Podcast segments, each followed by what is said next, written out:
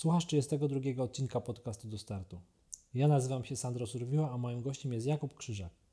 Trener sportowy, który uczy podnosić ciężary, jeździć na rowerze oraz który zaczął morsować zanim to stało się modne. Z Kubą rozmawialiśmy nie tylko o sporcie, ale o takich problemach jak depresja. Co może być jej powodem i co pomaga w wyjściu z tej choroby. Zapraszam do słuchania. Słuchasz podcastu do startu z Sandrem Surwiłą. Dzisiaj jest dzień przyjaciela, wiesz? Kostkę ci kupię. Rubika. Eee, ile ma w ogóle lat pies? Dwa i pół. Młody jeszcze, nie? Ale średnio się zachowuje jak szczeniak, taki przestraszony bardziej. On, wiesz, to zależy. On ma Tak? takie kurwa czasami po prostu dni, że nagle wiesz. Psa widzi, musi z każdym pobawić, przywitać. To ma to swoje plusy, bo mam spokój, nie? że tak jakby wiem, że on nie, nie, nie rzuci się na kogoś nagle kurwa z garbem czy coś. On przez dwa i pół roku nie miał absolutnie najmniejszego agresywnego zachowania względem czegokolwiek. Dzieci tam, wiesz, się z nim bawią, jest po prostu pełen. Ale nie jest to rasa taka gdzieś tam hodowana po jakieś tam, do czego? Do... To są pierwotnie psy, które służyły do polowania na lwy. Okej. w Afryce w XIX wieku. Tam ich historia jest znacznie dłuższa, ale generalnie są takie psy wiesz, bardzo odważne, nie bojące się, nieustraszone i tak dalej. Nie? No, akurat mój jest troszkę w opozycji do tego, ale wiesz, z reguły nie lubią innych ludzi, nie lubią dzieci. Yy, takie są bardzo charakterne, trzeba ich krótko trzymać, więc z nim to jest bardzo ma dużo rzeczy wspólnych, tylko że on jest taki, że po prostu wiesz, czasami jest wylękniony, ale już przyszedł, położył się i już jest, nie ma psa, nie? Ale spokój. ale jest wymagający w sensie takiego wychowania, że wiesz, chodzę luźno bez smyczy i się tym nie przejmuję, bo już wiem, że po prostu się słucha, nie? Spoko. Ale Ale jak- byłeś, jak byłeś sobie- z nim na jakimś tym? Byłeś Wiesz co, ja go sam szkoliłem, bo, wiedzia, bo byłem kiedyś z innym psem na szkoleniu i wiedziałem po prostu, co trzeba robić, nie? Y, Więc y, to mi dużo dało, chociaż też mu tam sporo odpuszczam rzeczy, tak jakby, no nie jestem nastawiony na to, że musi, wiesz, wszystko robić na pstryknięcie palców, ale generalnie jest, jest karny, jest posłuszny, mówię, David, do mnie na miejsce czy coś od razu, wiesz, tylko na niego trzeba głośno i wyraźnie. No. Jak mówisz po cichu, macie w dupie. On za, cały czas próbuje sprawdzić, czy jednak on jest szefem, czy ja, nie? Tak jakby lubi cały czas Kumą, testować. Więc, tak, więc cały czas musisz mieć świadomość tego, że kierownik jest jeden w tym stadzie, nie? Bo jest, są to bardzo wymagane. Kobiet w ogóle nie słucha. W dupie po prostu. On czuje inny temper głosu, Okej. barwa, wiesz, nie ma tego huknięcia. Emocje pewnie czuje, wiesz, jak to z Tak, psami, nie? tak, więc to są naprawdę tak mądre psy, że to się kurwa po prostu w głowie nie takie cwaniaki, że, że głowie się nie mieści, nie? Ale jest, no nie wyobrażam sobie życia bez psa teraz. Jest to trochę komplikacja, nie? No bo tak wiesz, jakieś tam wyjazdy i tak dalej, tego sporo mam, ale jakoś mi się to udaje wszystko dobrze spinać. No właśnie, bo ty często wyjeżdżasz, nie? I patrząc, że żyjesz nad morzem, jesteś równie często w górach, jak i nad morzem. No ja, no, ja nad, morzem jestem, nad morzem jestem codziennie, natomiast yy, w te góry faktycznie wyjeżdżam z 20 razy w roku, czasami wie, nawet więcej. Więc się najeżdżę jak po prostu kierowca kurde tira. Yy, ale wiesz, no jak mogę, to biorę psa. Yy, jak nie mogę, no to wiesz, poza tym ja, ja na krótkie wyjazdy, że są wiesz 3-4 dni, nie? Więc mam taką świetną dziewczynę, Monikę, która ma taki właśnie hotel, dom tymczasowy, że te psy są A. trzymane, wiesz, w domu, w, w mają pełen komfort, wiesz, ogród wielki, łąka, bo to jest na wsi, więc on po prostu już na etapie wysiadania z samochodu leci tam, nie? A jak go odbieram, to jest normalnie foch. Nie że się, stary, to jest koniec wakacji, widzę, że siedzi w tej windzie u mnie taki, wiesz, po prostu normalnie smutny pies, że go zabieram stamtąd, nie? Także ma świetne warunki, że ja mam spokój, bo wiem, że jest po prostu w pewnym miejscu, a nie gdzieś tam siedzi, wiesz, w klatce zamknięty i nie wiadomo, co się tam z nim dzieje, więc to jest taki duży po prostu komfort, że mam taką sprawdzoną miejscówę, dzwonię, mówię, Monia, zostawiam psa i ona ma, wiesz, tylko wybrane psy, już tam nie przyjmuje jakichś obcych, agresywnych super. psów, tylko jest sprawdzona ekipa stałych klientów i, i powiem Ci, to się świetnie sprawdza, nie? Ale te wyjazdy w góry, one są, jak można zaobserwować, one są z ludźmi. To są, Tak. to są turystyczne, szkoleniowe? Wiesz co, to jest przede wszystkim, jak ja to mówię, sport and pleasure, nie? Czyli przede wszystkim no, zawsze jest ten, ten, ten wymiar aktywności fizycznej, spędzania wielu godzin w górach w różnych warunkach. W częstokroć to są ludzie, którzy naprawdę to się wyda, może wydawać śmieszne, ale jadą pierwszy raz w życiu w góry, tak? Szczególnie mieszkający nad morzem lub ludzie będący w Zakopanem myślą, że są w górach. Okej. No nie, Zakopane to jeszcze nie Tatry, tak? To jest nadal jeszcze Podhale. Yy, więc jest ten element właśnie takiej turystyki, poznawania, przede wszystkim, wiesz, resetu, odpoczynku aktywnego, plus takie elementy właśnie szkoleniowe w takim podstawowym zakresie, typu, wiesz, jak wzywać pomoc, jak się lokalizować, jak planować, czego unikać, jak chodzić w rakach, jak hamować czekanem. Yy, Natomiast no jest, to, jest to, są to wyjazdy typowo takie właśnie turystyczne, nie ma tam jakichś... Oczywiście zdarza się tak, że jakie są warunki fajne, to i przejdziemy Orlą Perć, prawda? Dla osób bardziej, że tak powiem, e, wprawionych. Natomiast często dla wielu osób jest to po prostu pierwszy kontakt z górami, czy też jakieś takie właśnie, wiesz, przełamanie pewnych barier w głowie, yy, więc fajnie to funkcjonuje i tak jakby myślę, że też w tym kierunku będę się coraz mocniej też rozwijać, nie? Okej. Bo jest to mocno, jest na to coraz większy popyt. No właśnie chciałem zapytać, czy masz dużo chętnych, bo to wiesz, u nas to mm, są też chętni, bo znajomy prowadzi podobny profil, a, trochę na skiturach, trochę właśnie pieszo. Skiturowe kampy też już robiłem, nie? W Krynicy. A, okej. Tak, No. więc, więc miałem już takie kampy. Więc co, wiesz co, no przede wszystkim pandemia to spowodowała, że wiesz, poucinały się różne możliwości wyjazdów i tak dalej. Robiłeś to już przed pandemią? O Jezu, ja to robię już, słuchaj, od 2015 roku. O, kampy. Chyba pierwszy był w 15, jak dobrze pamiętam. Więc to już jest 7, 7 lat. 7 lat. No. Na początku to było dosyć stosunkowo rzadko, natomiast teraz naprawdę nabiera to takiej już cykliczności, że tam I ty organizujesz dojazd, nocleg. Wiesz co, tak, ja daję, że tak powiem, spanie i, i mój czas, moją, że tak powiem, wiedzę i doświadczenie. Najczęściej jest tak, że większość jednak jest z Trójmiasta, więc organizujemy sobie po prostu wspólny transport, żeby po prostu sobie te koszty gdzieś tam redukować. E, Sprzęt, bo ludzie, o ja nie mam żadnego sprzętu, no to nie ma problemu, bo na miejscu mam właśnie też zaufaną osobę, od której sprzęt zimowy możemy wypożyczać. Nie są to wysokie koszty, więc nie trzeba na dzień dobry wydawać nie wiadomo ile pieniędzy, żeby się obkupić kask, raki, czekan, wiesz, ABC lawinowe to jednak kosztuje, a tam sobie to po prostu muszę na miejscu wypożyczyć, dobry sprzęt. Także no jedyne wymogi, które ja stawiam, to z wszystkim odpowiednie przygotowanie odzieżowe, nie? Buty, No tak. buty plecak, żeby to można wszystko spakować komfortowo. Tak jakby Kurtka. wiesz, przekazuję cały know-how właśnie tego pakowania, ubierania, jak to działa, z czym to działa, dlaczego tak, a nie inaczej. Tak, tak jakby wiesz, moim głównym celem nauki w tych górach jest to, żeby ludzie nauczyli się przede wszystkim myśleć i być samodzielnym w sytuacji kryzysowej, tak? Że po prostu myśl zasady, umyśl, licz, licz na siebie, tak? Okej. Żeby to nie było żebrania, że czegoś nie mam, daj mi to, daj mi tamto, picie mi się skończyło, bo niestety zdolność myślenia w społeczeństwie naprawdę Są wymiera. różne przypadki śmieszne Jest w- lub mniej, ale W górach, w górach się tego spotyka naprawdę Japonki. na potęgę. Yy, Wiesz, ludzie widzą, że w Zakopanem w listopadzie na dole nie ma śniegu, ale w górach półtora kilometra wyżej panują pełne warunki zimowe, tak? Wiesz, wjeżdżają na ten Kasprowy w, w tych bucikach miejskich, potem wiesz, spadają stamtąd. No, historii to jest po prostu tyle. Jak się poczy, czasami poczyta kroniki Topru, oczywiście wiesz, profesjonalistom też się zdarzają wypadki. To ryzyko zawsze jest pisane, natomiast wielu tych wypadków można by uniknąć, gdyby po prostu człowiek poczytał pogodę, tak, że miał jakiekolwiek pojęcie, że jak widzisz, że te chmury, szczególnie w okresie wakacyjnym, jest tych burz naprawdę dużo w Tatrach. Tak, szczególnie trzeba wiedzieć, że w górach to jest moment, nie? Pogoda tych, się- tych chmur może Tak. nie być, a jednak jest moment. Pogoda się zmienia natychmiast, tak? I nagle też miałem takie kiedyś, pamiętam, wyjście, gdzie na dole mieliśmy y, we wrześniu 22 stopnie na Palenicy, na samym dole przy, przy, przy drodze do Morskiego Oka, a w drodze na Rysy już zaczął padać śnieg. I to w ciągu 3 godzin. Okej. Dosłownie, nie? Więc y, ludzie, o, piękna pogoda, nie musimy nic z tej góry brać, przecież tu jest tak ciepło, nie? Tak, ale dwa kilometry wyżej, tym bardziej, że prognozy były takie, że może się ta pogoda zmienić, no to trzeba być przygotowanym na to, że nie daj Boże skręcisz nogę, wiesz, pogoda nie jest lotna, czekasz na y, ratowników, zanim przyjdą, to mija trochę czasu, tak? Oni się nie pojawiają od tak, że nagle helikoptery lecą. Jeżeli pogoda jest lotna, fajnie, tak? Tylko jeszcze trzeba umieć pomoc wezwać, a uwierz mi, o Boże, gdzie my teraz dzwonimy? Na 112, tak? To jest Więc- jedno, dwa, zasięg. Zasięg. No, jest takich kilka aspektów. ludzie mają no. wszyscy telefony komórkowe przy tyłku, a mało kto potrafi używać nawigacji i lokalizacji przede wszystkim, przeczytać współrzędne geograficzne. Długość, szerokość, ludzie mówią, co ty gadasz w ogóle, kiedy to było na geografii? Ja mówię, tak, ale takie podstawowe rzeczy ze szkoły podstawowej e, częstokroć mogą uratować tyłek po prostu, tak? Wiesz, dzwonisz na, do centrali i się- gdzie jesteś? W górach. No gdzieś tutaj szedłem, nie? A dzwoniąc z gotową informacją, Tak, podając jaki szlak, gdzie, Tak. tak, dokładnie. podając współrzędne, yy, oni się lokalizują natychmiast, wiedzą kogo wysłać, jak szybko, kto może być. Więc to zupełnie skraca taki proces. I tu czasami wystarczy stare, zwykłe skręcenie nogi na trudnym szlaku i po prostu nie zejdziesz sam, tak? Potrzebujesz pomocy. A to nie przychodzi dwóch facetów, tylko to przychodzi kilkunastu chłopa, żeby cię z tej góry znieść, tak? Yy, żeby się zmieniać. Też wiesz, w jakimś trudnym terenie trzeba tego pacjenta spuścić na linach. Yy, no to już jest naprawdę ekstremalnie wysoka szkoła jazdy.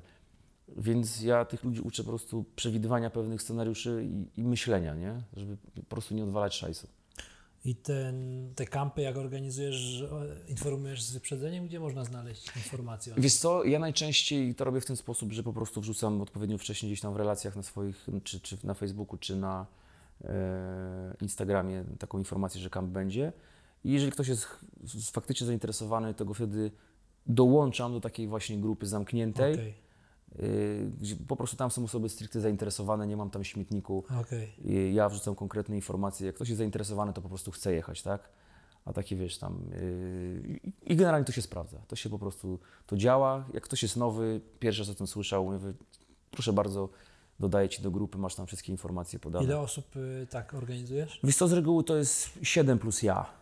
Czasa, Zdarzało się czasami Mhm. A, więcej. czyli tak, żeby do jednego auta wejść i żeby to, to raz, tak, żeby mieć oko na wszystkich. często też jest tak, że mam właśnie zawsze jakiś ładny górski dom z widokiem, żebyśmy wszyscy byli razem. Okej. Tak, że zawsze... Masz jedno miejsce, gdzie jest Wiesz co, mam kilka różnych miejsc, w zależności od dostępności. Yy, Natomiast z reguły już teraz od dłuższego czasu właśnie mam taką jedną panią Ewę fajną, która ma piękny dom właśnie z pięknym widokiem. Też, żeby ludzie poczuli, że to wiesz, że to nie jest jakaś tam nora za 25 zł Super. Yy, sprzed 100 lat, a takich nie brakuje, tylko że faktycznie też mają ten, że wracają i mają wygodne łóżko, jest kominek. I Jest, wyjeżdżacie w piątek? jest to zawsze to jest czwartek, skoro świt wyjeżdżamy z miasta. Y, Piąte rano z reguły Okej, wyjeżdżamy z okej. miasta. W tej chwili się naprawdę sprawnie jedzie do Zakopanego. Jeszcze jak tą drogę Zakopiankę skończą, to, to powiem Ci, że 5 godzin to będzie bez ciśnienia. nie? Serio? Naprawdę, O kurczę. naprawdę. No jeszcze nam troszeczkę zostało, natomiast z reguły tam jedziemy 7 godzin, więc po południu mam jakiś tam rozruch, dwie godzinki na jakiś tam prosty szlaczek, żeby sobie kości rozprostować.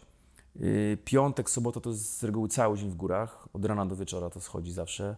To jest tam 8, 10, 12 godzin. I to jest tak, że posiłek w schronisku, Wiesz co? ewentualnie w plecaku. Tak, część rzeczy oczywiście niesiesz ze sobą, bo już w pewnym momencie tych schronisk nie ma i trzeba, że tak powiem, się posiłkować własnym prowiantem. Z reguły też schroniska gdzieś tam po drodze są w dolinkach czy na jakichś halach i tam sobie też można ewentualnie jakieś tam zapasy uzupełnić. No natomiast wiesz, jak, jak chcesz na przykład robić szlak Orlej Perci, no to w momencie, kiedy wyjdziesz ze schroniska, to przez najbliższe wiele, wiele godzin Tak. nie ma żabki po drodze, nie? Więc trzeba, ludzie często jest tak, że się w ciągu dwóch godzin pierwszych wypstrykają z zapasów picia i Kuba... Daj łyka. Daj łyka. Ja mówię, o, mówię, ostrzegałem, tak? Idziemy tyle godzin, tak sobie to rozplanować, tak tym piciem zarządzać, żeby yy, ci starczyło, nie? No bo okej, ja ci dam, ale potem ja nie będę miał, mi się będzie tak, chciało pić, nie? Tak, tak. I takie małe sytuacje często już powodują stres i, wku, i wkurwienie. Że zaczyna się robić nerwowa atmosfera, bo ktoś już jest skurzony, bo nie ma picia, nie? Oczywiście to jest tylko i wyłącznie jego wina, że obalił wszystko, bo ciepło. I tego potem widzisz, ludzi się uczy, a kto uprawiał sport, czy się ścigał w Tak. górach, to wie, że tym piciem w bidonie trzeba niestety odpowiednio zarządzać, bo często zdarza się tak, że ten punkt, który miał być, okazuje się, że jest dalej Albo już nie ma wody. albo nie ma wody. Różne żeśmy historie przerabiali wiele lat temu. Mm, także trzeba mieć to na uwadze, nie? Tak, tak, tak. I powrót niedziela. Więc to w niedzielę z reguły jest tak, że ludziom już się nie chce. Po tych dwóch dniach, jak się przegonisz takie kilkanaście godzin. Szczególnie jak bierzesz osoby, które pierwszy raz były w górach, tym co, bardziej, najczęściej to jest tak, że to są osoby, które są jak, jakby związane z moim środowiskiem sportowym, Okej. więc ja mniej więcej wiem, kto jedzie. Natomiast y, nie trzeba mieć wybitnie wysokiego poziomu sportowego, bo my tam nie biegamy. To jest po prostu normalny marsz. Żw- Żwawy momentami, troszkę bardziej żwawy. Tak, ale kilkanaście godzin Ale jeżeli- swoje, nie? Tak, ale jeżeli właśnie to jest ten czas, nie? że już widzisz piąta, szósta godzina, a ty jeszcze myślisz, że masz o kurde jeszcze cztery, nie? Yy, więc gościu, szukasz miejsca. W związku z czym trzeba być po prostu ktoś, kto uprawia jakąś tam regularną aktywność fizyczną, bez najmniejszego problemu sobie z tym poradzi, nie? Dobrze jest do tego przygotować wcześniej, czyli przede wszystkim podnosić ciężary, żeby Tak. ten plecak te parę godzin wytrzymać, bo to ludzie, o Boże, jak mi plecy bolą, nie? Ale plecy cię bolą, bo po prostu twoje mięśnie nie są gotowe na to, żeby targać te parę kilogramów na plecach przez tyle godzin, w pozycji ciągle pochylonej, tak? To się nic dziwnego, że w krzyżu, że tak powiem, nawala, nie? Yy, także natomiast z reguły wszyscy sobie dają radę, niektórzy lepiej, niektórzy gorzej, natomiast ja też tam jakby hamuję te zapędy, wiesz, ludzie przyjeżdżają pierwsze z góry i już od razu chcą się z każdym ścigać, nie? Więc tak jakby ta praca w grupie też wygląda troszeczkę inaczej. Po prostu, że wiesz, jak polecisz pierwszy, ja mówię, polecisz pierwszy, ale będziesz na szczycie czekać pół godziny na resztę. No właśnie. Na szczycie będzie wiało, będzie zimno, my przyjdziemy, będziemy chcieli coś zjeść, zrobić zdjęcia, a ty już pół godziny będziesz czekał, będziesz Kolejne pół godziny znowu Byś- będziesz musiał czekać. i będziesz wkurwiony, że tobie już jest zimno i chcesz iść na dół, nie? Ja mówię, tutaj ambicje sobie, że tak powiem, trochę odstawiamy na bok, szczególnie w przypadku gorszej pogody. Trzymamy się w grupie, mamy komunikację radiową, prawda, żeby czasami takie, że po prostu nie widzisz dalej tych osób, a to wystarczy 100 metrów, jakiś lekki wiatr i po prostu nie masz w ogóle żadnej komunikacji. Walkie-talkie? Tak, więc każdy ma po Na prostu... ile metrów łapie? Wiesz co, mi się zdarzyło raz, że z Kopy Kondrackiej słyszeli mnie na, w schronisku na hali kondratowej, nie? Więc to jest, tu masz 1200 metrów, tu masz 2000 metrów, więc y, komunikacja była bez problemu. To wszystko zależy od terenu, tak naprawdę. nie? Terenu, a pogoda? Wiesz co, no, no, jakoś specjalnie tej Nie pogody nie, nie, nie odnotowałem. No wiadomo, jak wieje mocno, to się trzeba od tego wiatru jakoś tam osłonić, jak będziesz mówić. Ale to są, wiesz, to są pro, proste UKF-ki, Motoroli, za- w miarę odporne na pogodę, na wodę, więc y, sprawdza się to doskonale. Czy tak samo na nartach, jak gdzieś zjeżdżasz przy jakiejś totalnie beznadziejnej widoczności, to czasami jest tak, że już po prostu wiesz, jesteś tu, a aparatu już nie zobaczysz, bo jest taka gęstwina, kontrastu zero, więc zawsze jedzie pierwszy, wiesz, i- komunikujesz, co się po prostu działo po drodze, nie? Więc to radio, tak samo we wspinaniu się radio przydaje często, na jakichś drogach wielowyciągowych, gdzie tracisz kontakt wzrokowy z partnerem i wiesz, krzy, krzyczysz, a on cię nie słyszy, nie? Tak, po tak, prostu. tak, tak. Więc y, bardzo to poprawia komfort, bezpieczeństwo i życie po prostu ułatwia, nie? Wracając do tego, co powiedziałeś przed chwilą, e, e, miałeś takich zawodników, w sensie zawodników, takich em, ludzi, że wiesz, jednak ty prowadzisz grupę. Jest was 8 osób w sumie i on nagle ci tutaj będzie chciał na przykład szefować. Nie, no, Musisz go, musisz go ustawić, wiesz jak to czasami, nie? nie wiesz co, ambicje chowamy do kieszeni, a on znaczy, jednak tu się co, zaczyna popisywać i tam- znowu mówisz mu zwolni, a on jednak, wiesz, wiesz co, w górach u mnie nie ma demokracji. No właśnie, ale wiesz, są czasami osoby, które próbują, nie? Na zasadzie tu, wiesz, ja mu pokażę tu jakieś, nie wiem, dwie ładne dziewczyny, to Wiesz, pójdę szybciej. Wiesz co, zdarzało się takie sytuacje, że ktoś tam coś, wiesz, troszeczkę był nadambitny, ale właśnie przykład tego, że na, na potem na, szczycie marzł, ja mówię, sorry, mówiłem Ci, czekaj, gdzie jesteśmy w grupie, pracujemy w grupie, trzymamy się w grupie, ja mówię, to Ty nie przyjechałeś tu ścigać, spędzaliśmy po prostu miło czas, pokontemplować sobie w tych górach, nauczyć się paru ciekawych rzeczy, spędzić czas w tych górach szczególnie, tak, bo to jest też, ma być ten element właśnie tego takiego, wiesz, wypoczynku mentalnego, którego w tej chwili wielu osobom brakuje i, i tyle, nie? Więc mówię, sorry, my przyszliśmy, czekasz i tyle. Zdarzało mi się czasami tak, że na przykład ktoś już na poziomie schroniska był na tyle zmęczony, że mówi, dobra, ja zostaję w schronisku, Okej. tak? Ładna pogoda, nie chce mi się iść, poopalam się, zjem, poczytam. Mówię, nie ma, przyjechał, nie? tak, mówię, nie ma absolutnie żadnego problemu, tylko warunek jest jeden, czekasz na nas tu i nie ma opcji, że się ruszasz. To jest bezpieczny punkt, tu się możemy, że tak powiem, na jakiś czas rozejść i, i nie ma opcji, że ty nagle wiesz, że my wrócimy, a ciebie w schronisku nie ma, bo gdzieś poszedłeś. To jest absolutnie niedopuszczalne. I ludzie się generalnie słuchają tego, co mówię, bo przede wszystkim mają do mnie duże zaufanie. Yy, robię to całkiem skutecznie, nikt się tak jakby nic się nigdy nie wydarzyło, bo też to ryzyko zawsze yy, staram się minimalizować do absolutnego. Wiadomo, nie da się całkowicie ryzyka wyeliminować, bo tak, bo lawina może zejść. Tak, tak. tak. Natomiast można to ryzyko bardzo, bardzo minimalizować. I też wszystkim tak jakby ludzie nie mają tej, no nie jeżdżą w góry, więc skąd mają wiedzieć, tak? A ja jestem w stanie im te proste, skuteczne informacje przekazać, tak żeby w przyszłości, kiedy pojadą sami, yy, już nie odwalali różnych głupot, tak? Jeździcie tylko w Tatry? Wiesz co, generalnie tak, bo Tatry są przede wszystkim no, przepięknymi górami. Mm, są ciekawymi, tam coś się dzieje, tak? No jest tam charakter taki stricte alpejski. To są- Nawet jak, słuchaj, tak, dokładnie, to są góry- rozmawiam, że przygotowuje się do jakiegoś biegu ultra alpejskiego, to on mówi Oczywiście, tylko tak. Alpy. Mówi, no ja tu w Beskidach mogę, Sudetach mogę biegać, ale tylko Alpy, tylko Tatry, przepraszam. To są, to są dokładnie mini Alpy. To są? No. mini Alpy, tak? To są mini Alpy. Yy, tak naprawdę różnica jest w zasadzie tylko w wysokości, w wielkości dolin, przewyższeniach. Natomiast to są tak jakby jeden do jeden Alpy, Tak, nie?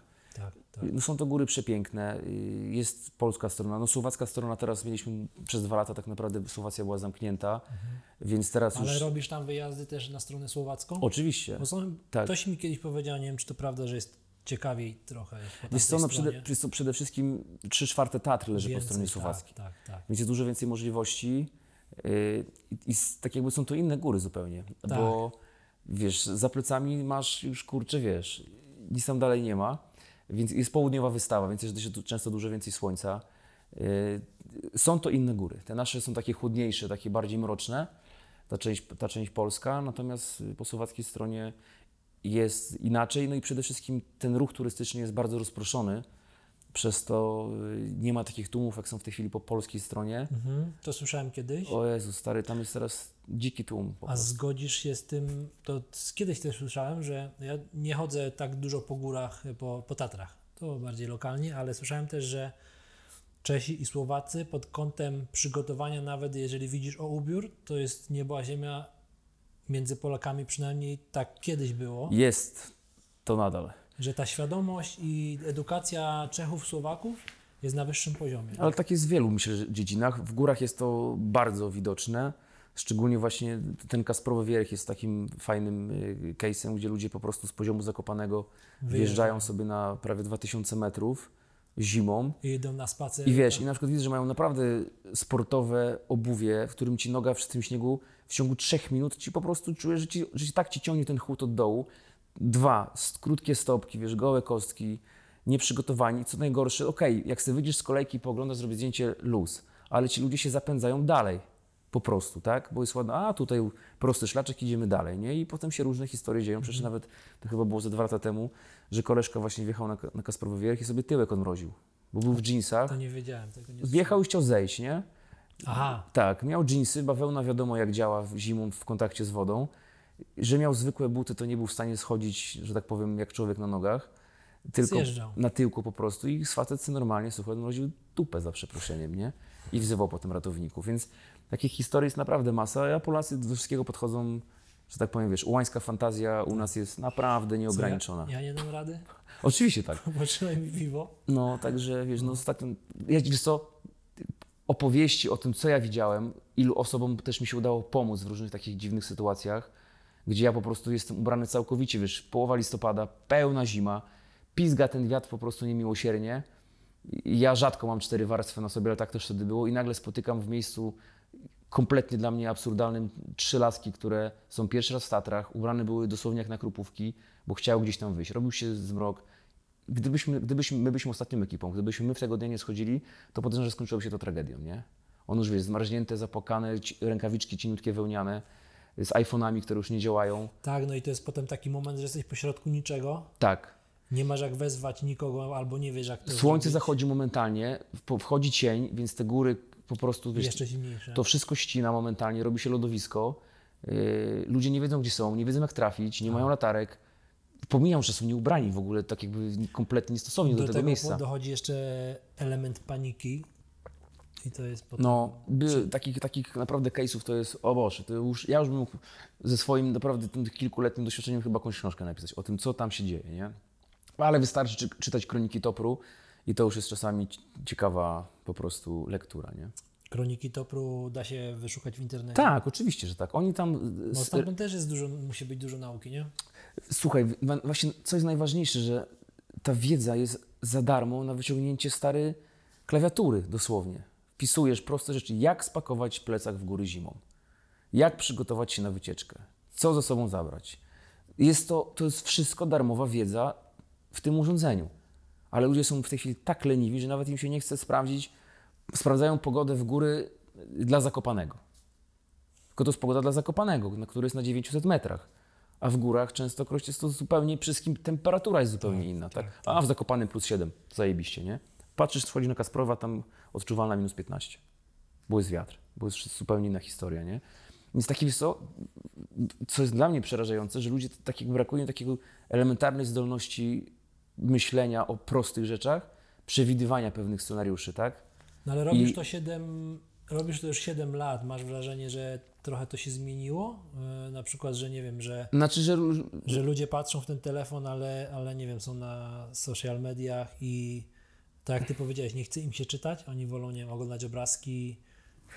Czy, czy, czy co, z, z, jednej, z jednej strony jest już sporo turystów naprawdę dobrze przygotowanych, ale ilość tych, za przeproszeniem, głupich wcale nie maleje.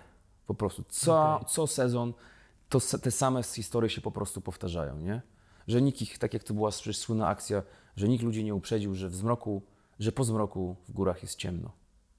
Przecież to było nawet w faktach TVN, to była cała historia, że ludzi musieli sprowadzać z Morskiego Oka. A było, było, było i to taką dużą grupę. Stary, tam było z 80 osób. Tak, tak, Utknęli, tak, bo tak. wiesz, no, słońce, Było. wiesz, idziesz w ciągu dnia, to był chyba jakiś tam luty, słońce świeci, to ty po tym asfalcie płynie.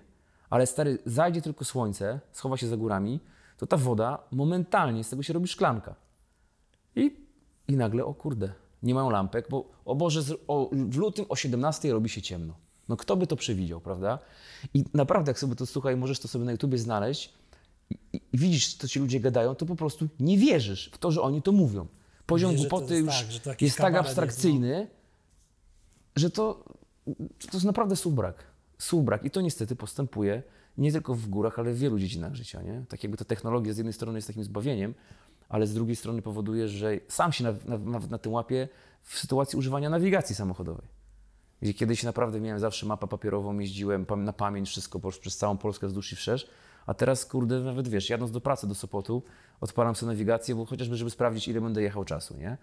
Ale tak jakby ta technologia niestety powoduje, że przejmuje Tak, od trochę, nas za trochę dużo. Z wygody, trochę patrzysz, gdzie są korki, omijasz to jakby. Tak. No jest to dwa w jednym, nie? za Że- dużo, jest dużo dobrego na wyciągnięcie ręki, ale z drugiej strony tak jakby trochę nas to odmurza na koniec dnia, tak, nie? Tak, tak.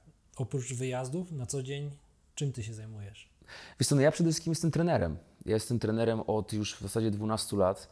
Moja, wiesz, kariera sportowa yy, w zasadzie styczną ze sportem to jest od absolutnie moich najmniejszych lat, od 4-5 roku życia zawsze byłem mocno aktywny.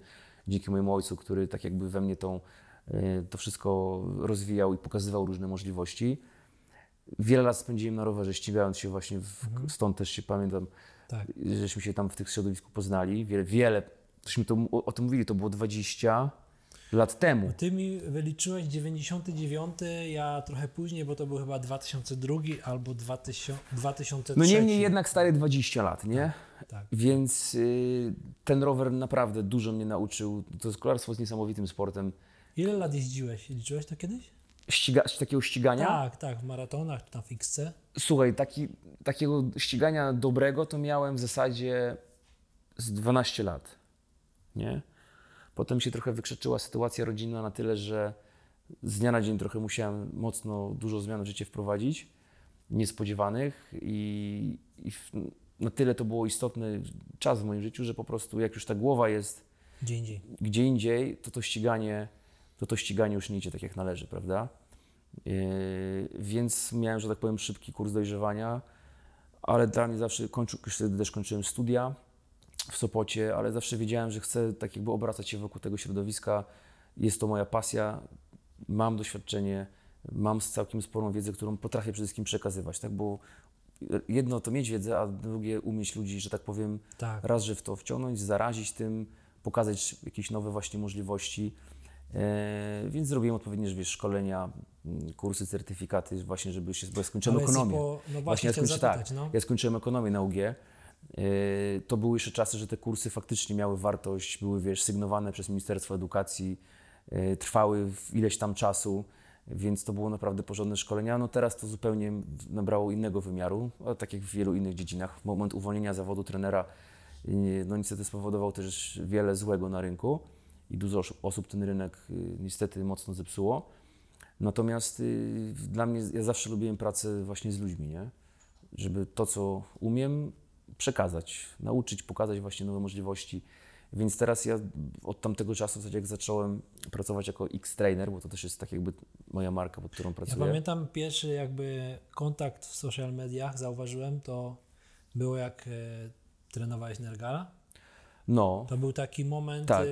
To pa- był pa, 2000... właśnie pamiętałem Cię z czasów e, kolarstwa i potem jakoś tak było, że ja też przestałem, to się gdzieś tak rozjechało, gdzieś Tak. tam była Tak, tak, zmiana tak. tych zawodników i, No to i słuchaj, ja- zauważyłem gdzieś tam, że zacząłeś wtedy Ja się trenować. z Adamem, już się znamy, słuchaj, właśnie dzwonił przed nagraniem do mnie, bo jutro ma urodziny, yy, czy będę na imprezie, no kurczę, jestem na wyjeździe, ale to było, mój drogi, z 11 lat temu, jak dobrze pamiętam. To- to Adam, było- tak, tak ja, ja stawiałem Adama właśnie po jego białaczce, gdzie był naprawdę w fatalnej formie i w tej chwili to jest naprawdę piękny przykład człowieka, ja o tym zawsze mówię, który dostał drugą szansę i, i jej nie zmarnował po prostu. I to czę- i ten- Dalej jest aktywny fizycznie? jest zajebiście aktywny fizycznie. Yoga, trening siłowy, sporty wytrzymałościowe. Oczywiście na swoim tam potrzebnym poziomie do zachowania zdrowia, sylwetki i yy, do, dobrobytu mentalnego. Natomiast Adam trzyma się naprawdę doskonale. Pielęgnuje to, mówię, no jest naprawdę wzór. Wręcz jest w dużo lepszej formie fizycznej na pewno niż był przed chorobą, nie? Okej. Poza tym wiesz, no takie życie rock'n'rollowca też ma swoje, swoje prawa, Swoje wiadomo, minusy. swoje minusy, szczególnie dla zdrowia, e, a on jest naprawdę takim przykładem osoby, która kurczę, bez względu na to środowisko robi swoje, ciśnie e, i tutaj naprawdę szapoba, nie? Więc jest naprawdę w doskonałej formie. No ale tak jak mówię, to było, mi się wydaje, że to był chyba 2011 albo 2012 rok. Musiałem gdzieś tam przewertować, no to mówię, 10 lat temu, nie? No, kupę czasu. Także, także i takich osób miałem właśnie, ja lubię pracę z takimi osobami, bo na początku jak wchodziłem właśnie w, w rolę trenera, to wydawało mi się, że będę pracować z kolarzami, z jakimiś super sportowcami, że będę się dalej w tym kierunku rozwijać. Tylko wiesz, jak to jest w tym sporcie naszym. Niestety sportowcy na wysokim poziomie najczęściej po prostu ścigają się o czapkę śliwek. Na nic, kurde, nie ma kasy, nie ma tych sponsorów, szczególnie w polskich okolicznościach yy, sportowych. Więc to jest taka cały czas po prostu walka. To bardziej wynika, ja to kiedyś też się tym to bardziej wynika z pasji.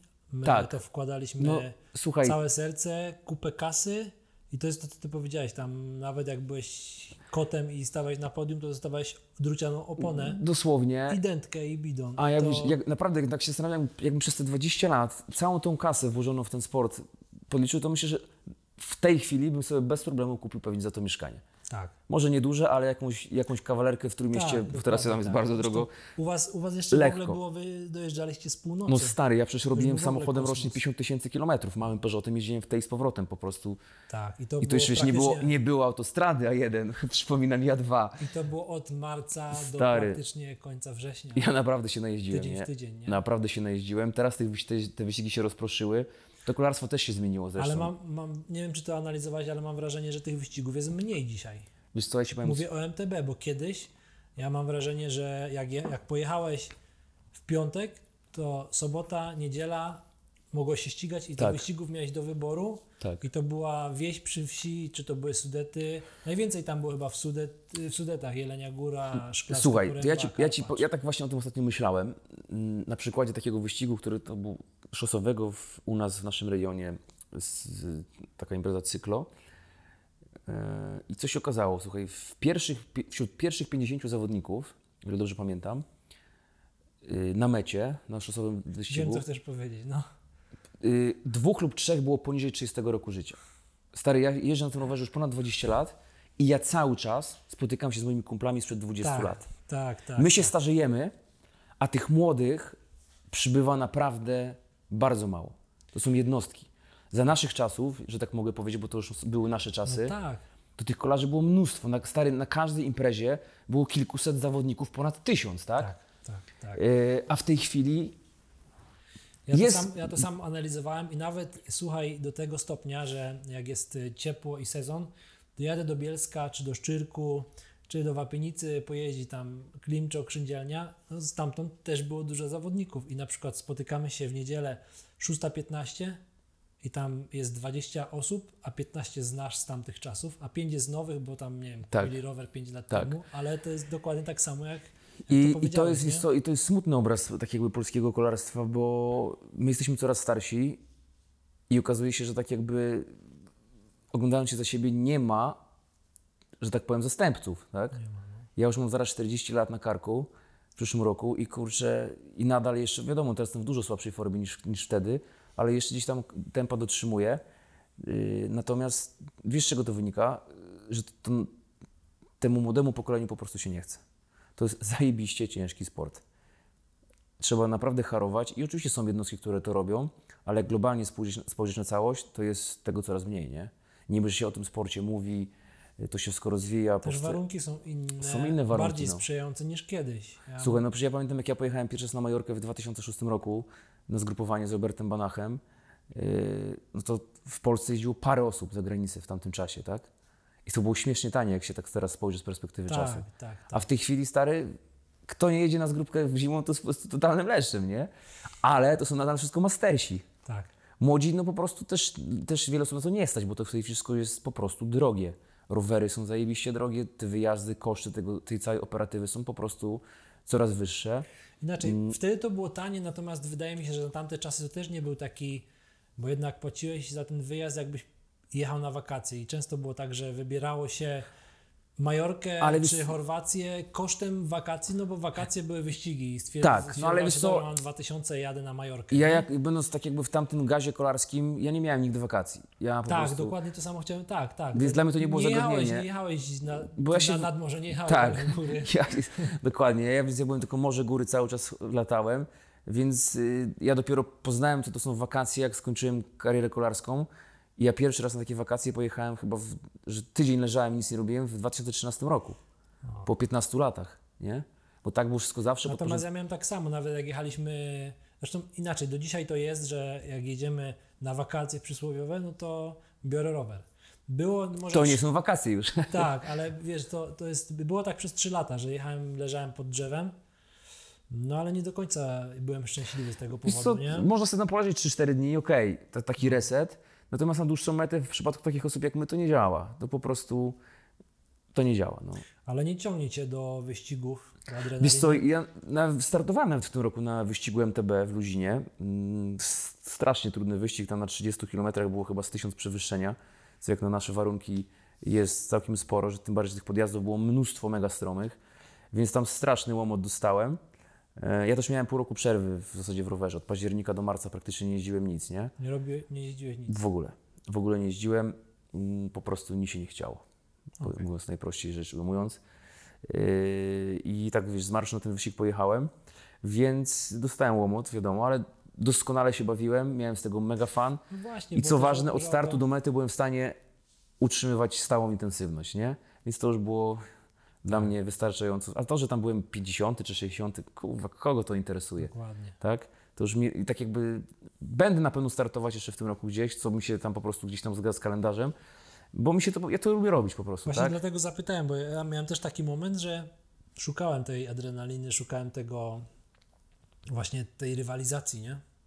Tak, no wiesz co, jest taki moment, ja miałem właśnie, że trzeba było w pewnym momencie przejść z jednej strony lustra na drugą, czyli tak jakby już zrozumieć, że, że z tego ścigania już i tak nic nie będzie, wypuścić się trochę w inne obszary sportu, co teraz robię namiętnie, bo robię dużo różnych innych zajebistych rzeczy z mojego punktu widzenia. I to kolarstwo nadal jest w moim życiu, ja do śmierci będę tym kolarzem, prawda?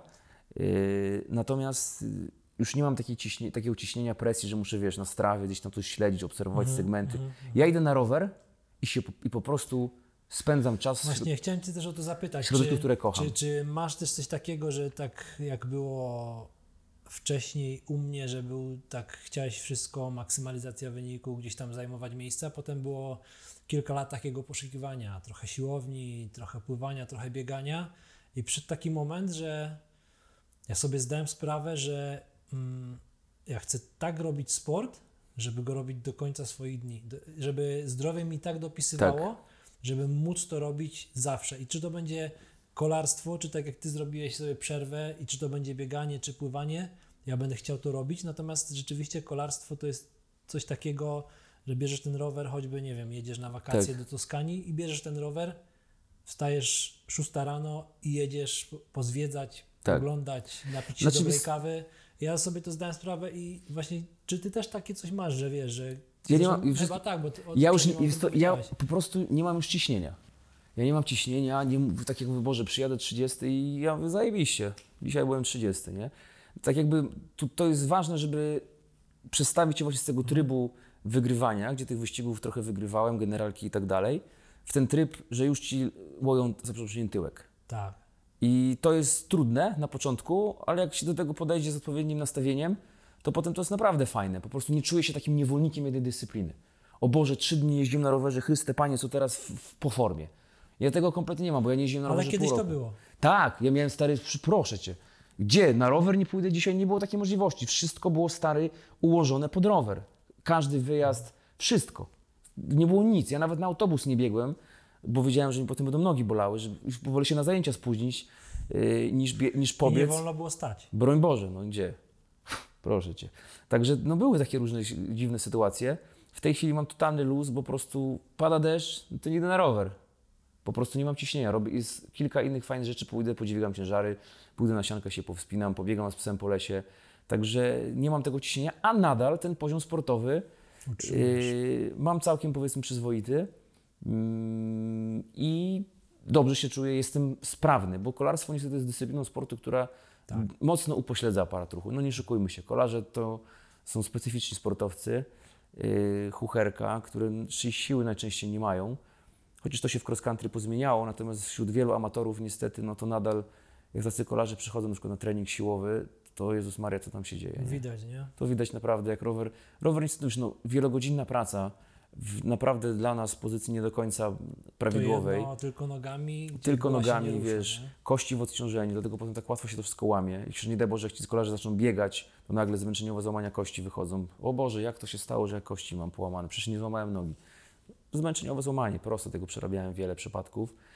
Także y, ta wszechstronność w tym sporcie jest fajna, bo nagle widzisz, że kurczę, można robić dużo różnych innych fajnych rzeczy i nadal dobrze na rowerze jeździć. Tak. To jest ważne. tak. Bo właśnie ludziom się wydało, że jak ty nie pojeździsz dwa tygodnie, to już jest koniec po prostu formy i można rower na hak. No nie.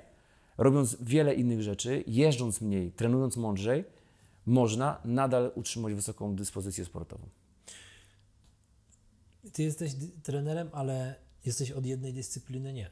Wiesz co, ja się, Jak, jak, na to, przychodzi ktoś do ciebie i mówi, no właśnie, jak ktoś szuka trenera, no to czym ma się Widzisz, bo, bo naj, widzisz właśnie to to, że najczęściej ludzie, y, tak jak ja zaczynałem, słuchaj, to był 2010 rok, No. to trener, nie lubię tego określenia, trener personalny, to był tak na, z reguły, Trener bardzo osobisty. to był kark na siłowni, który Tak. cały dzień spędzał y, z miską ryż z kurczakiem i tak to było i siłownia, cały dzień siłownia.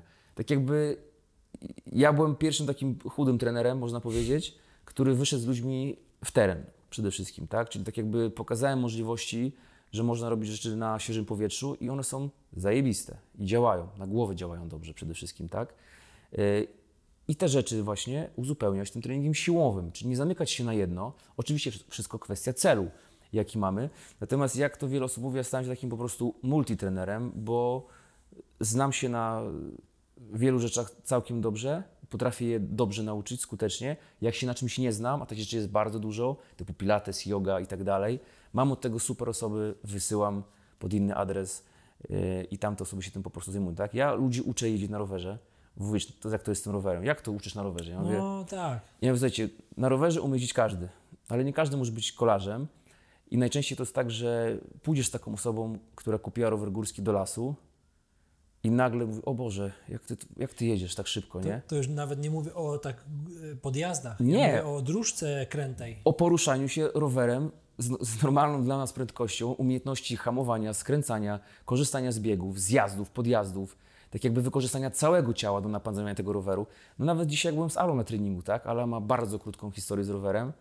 Yy, mimo, że na tym rowerze świetnie pedałuje, jej ciało stworzone do tego, no to ja od razu widzę, czego ona nie potrafi robić. Jazda na stojąco, opt- wiesz, dobranie toru jazdy, wiesz. Ja za każdym ostrym zakrętem 90 stopni po wyjściu ja byłem stary 20 metrów przed nią. I tego też się dzisiaj uczyliśmy. Mówię, Ale nie hamuj, nie hamuj, nie hamuj, puść, szybciej, kręć. Wiesz, redukcja przed zakrętem, kiedy Tak, dohamować, jak wyjść z tego Dokładnie. To zakrętu. wiadomo, że to są potem lata jazdy twojej. To jest dokładnie. Nie mówiąc już o jazdy na rowerze MTB w terenie, gdzie tam Tak. są sypkie kamienie, korzenie i tak dalej. Tak, nie? więc to jest po prostu trzeba, wiesz, ona jest też niecierpliwa. Ja mówię, spokojnie, ty musisz po prostu swoje wyjeździć. Pewne rzeczy się oczywiście, ja cię mogę nauczyć, pokazać, jak to robić, ale jak ty nie będziesz ćwiczyć tego, no to, to się nie nauczysz się tego z oglądania filmów na YouTube. To po prostu trzeba się czasami wywalić, poczuć na własnej skórze i, i się, wiesz, no rower taki jest, na rowerze trzeba po prostu swoje wyjechać, nie? Tak, czy tak jak mówisz, że. I to często widać na wyścigach szosowych, to, to często widać na wyścigach szosowych, jak im się zdarza startować, że są tacy, wiesz, ambitni zawodnicy po 40, którzy jeżdżą tam 3-4 sezony, sprzęt doinwestowany, a ja nic nie jeżdżę i ich objeżdżam na kresce, nie? Ja mówię, właśnie chłopaki, na tym polega kolarstwo, że ja, wystarczy, że pojeżdżę chwilę, ta noga szybko wraca, ale poza tym ja potrafię wa- wykorzystać waszy, wasz brak umiejętności. Tak. Na ostatnim zakręcie do mety ja tak pojadę, że ci odjadę na 30 metrów. To jest jedno, potem kwestia umiejętności schowania się za kimś. Dokładnie. Ja mówię, to są rzeczy, które się zdobywa przez lata różnych wyścigów, w różnych warunkach, w różnej pogodzie, w różnym terenie po prostu. To jest nic innego jak doświadczenie zdobywane latami, a teraz jest często tak, że ludzie, yy, którzy, z takimi często pracuję, którzy długo nic nie robili w życiu, wszystko ma być na hura, nie? Mm. Kiedy będzie Nie to? ma tej cierpliwości. Dlaczego to, by tak, dlaczego tak, dlaczego to by tak to dobrze idzie? Ja mówię, bo ja to robię 20 lat. To jest takie z każdą jedną rzeczą, tak? Jak ja bym teraz usiadł z programistą, miał coś na komputerze pisać, Ja nie mam tu zielonego pojęcia. Nie byłbym wkurzony, a bo jak mu to szybko idzie. No, może takie porównanie. Natomiast to jest tylko i wyłącznie praca i doświadczenie. Po prostu. Tak.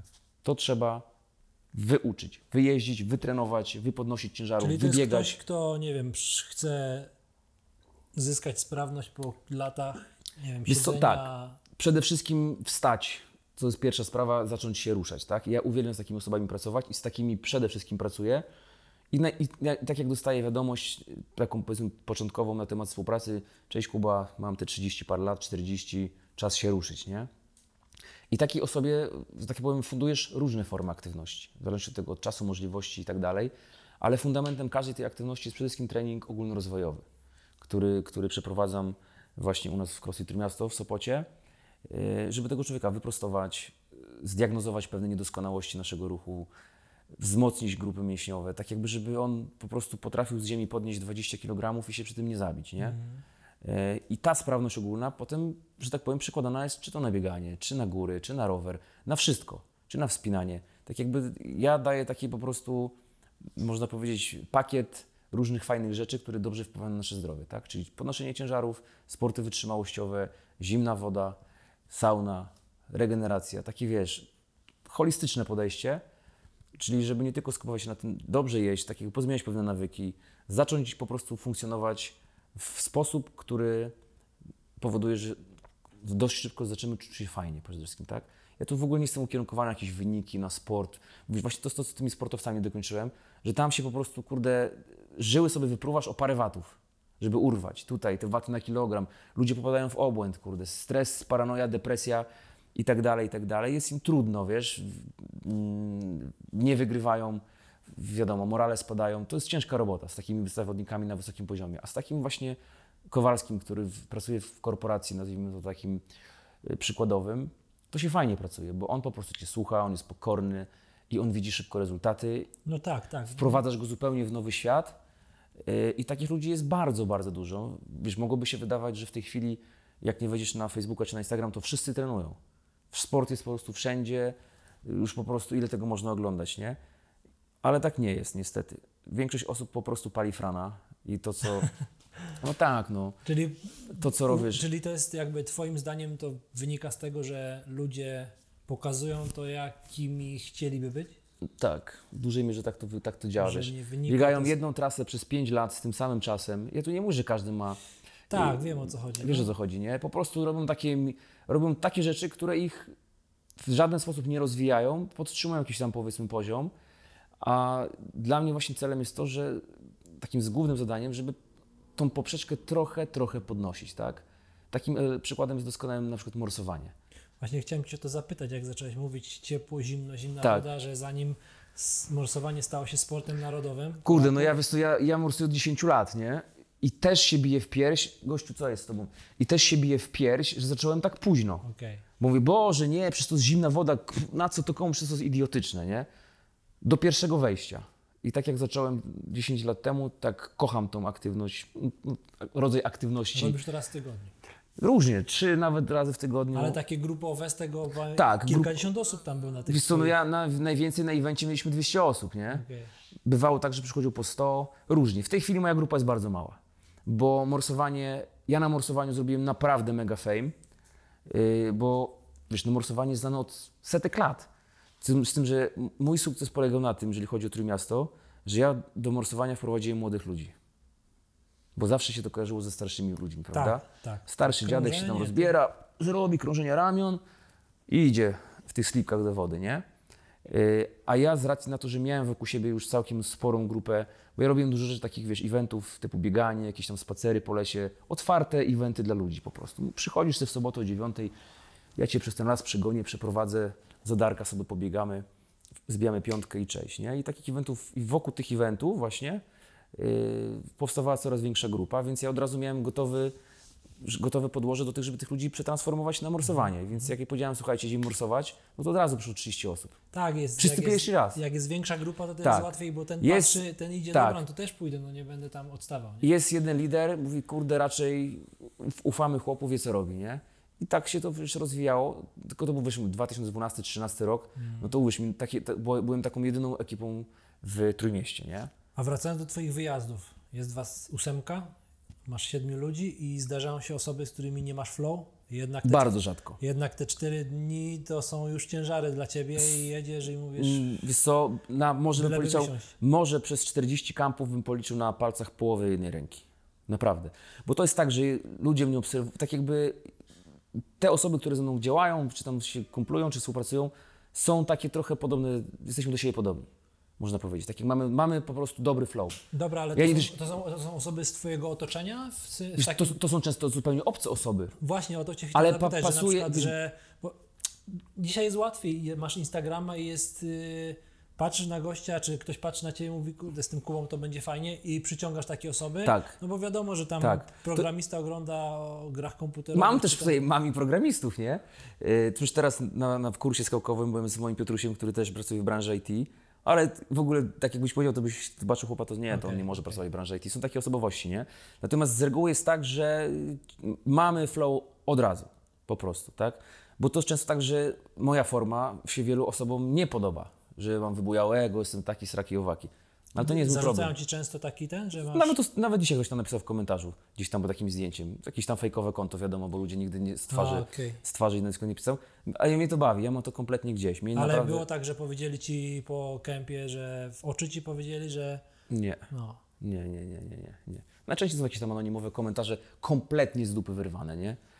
Yy, ludzi, którzy znają mnie tylko z a Instagrama. przejmowałeś się tym kiedyś? Nauczyłeś się tym nie przejmować? Ja się tym bardzo cieszę, bo Szymon Mierzwa, u którego teraz jestem w takiej akademii, właśnie Personal Brand Academy, pierwsze co powiedział na, w tej akademii to jest to, życzę Wam, żebyście mieli hejterów, życzę Wam hejtu.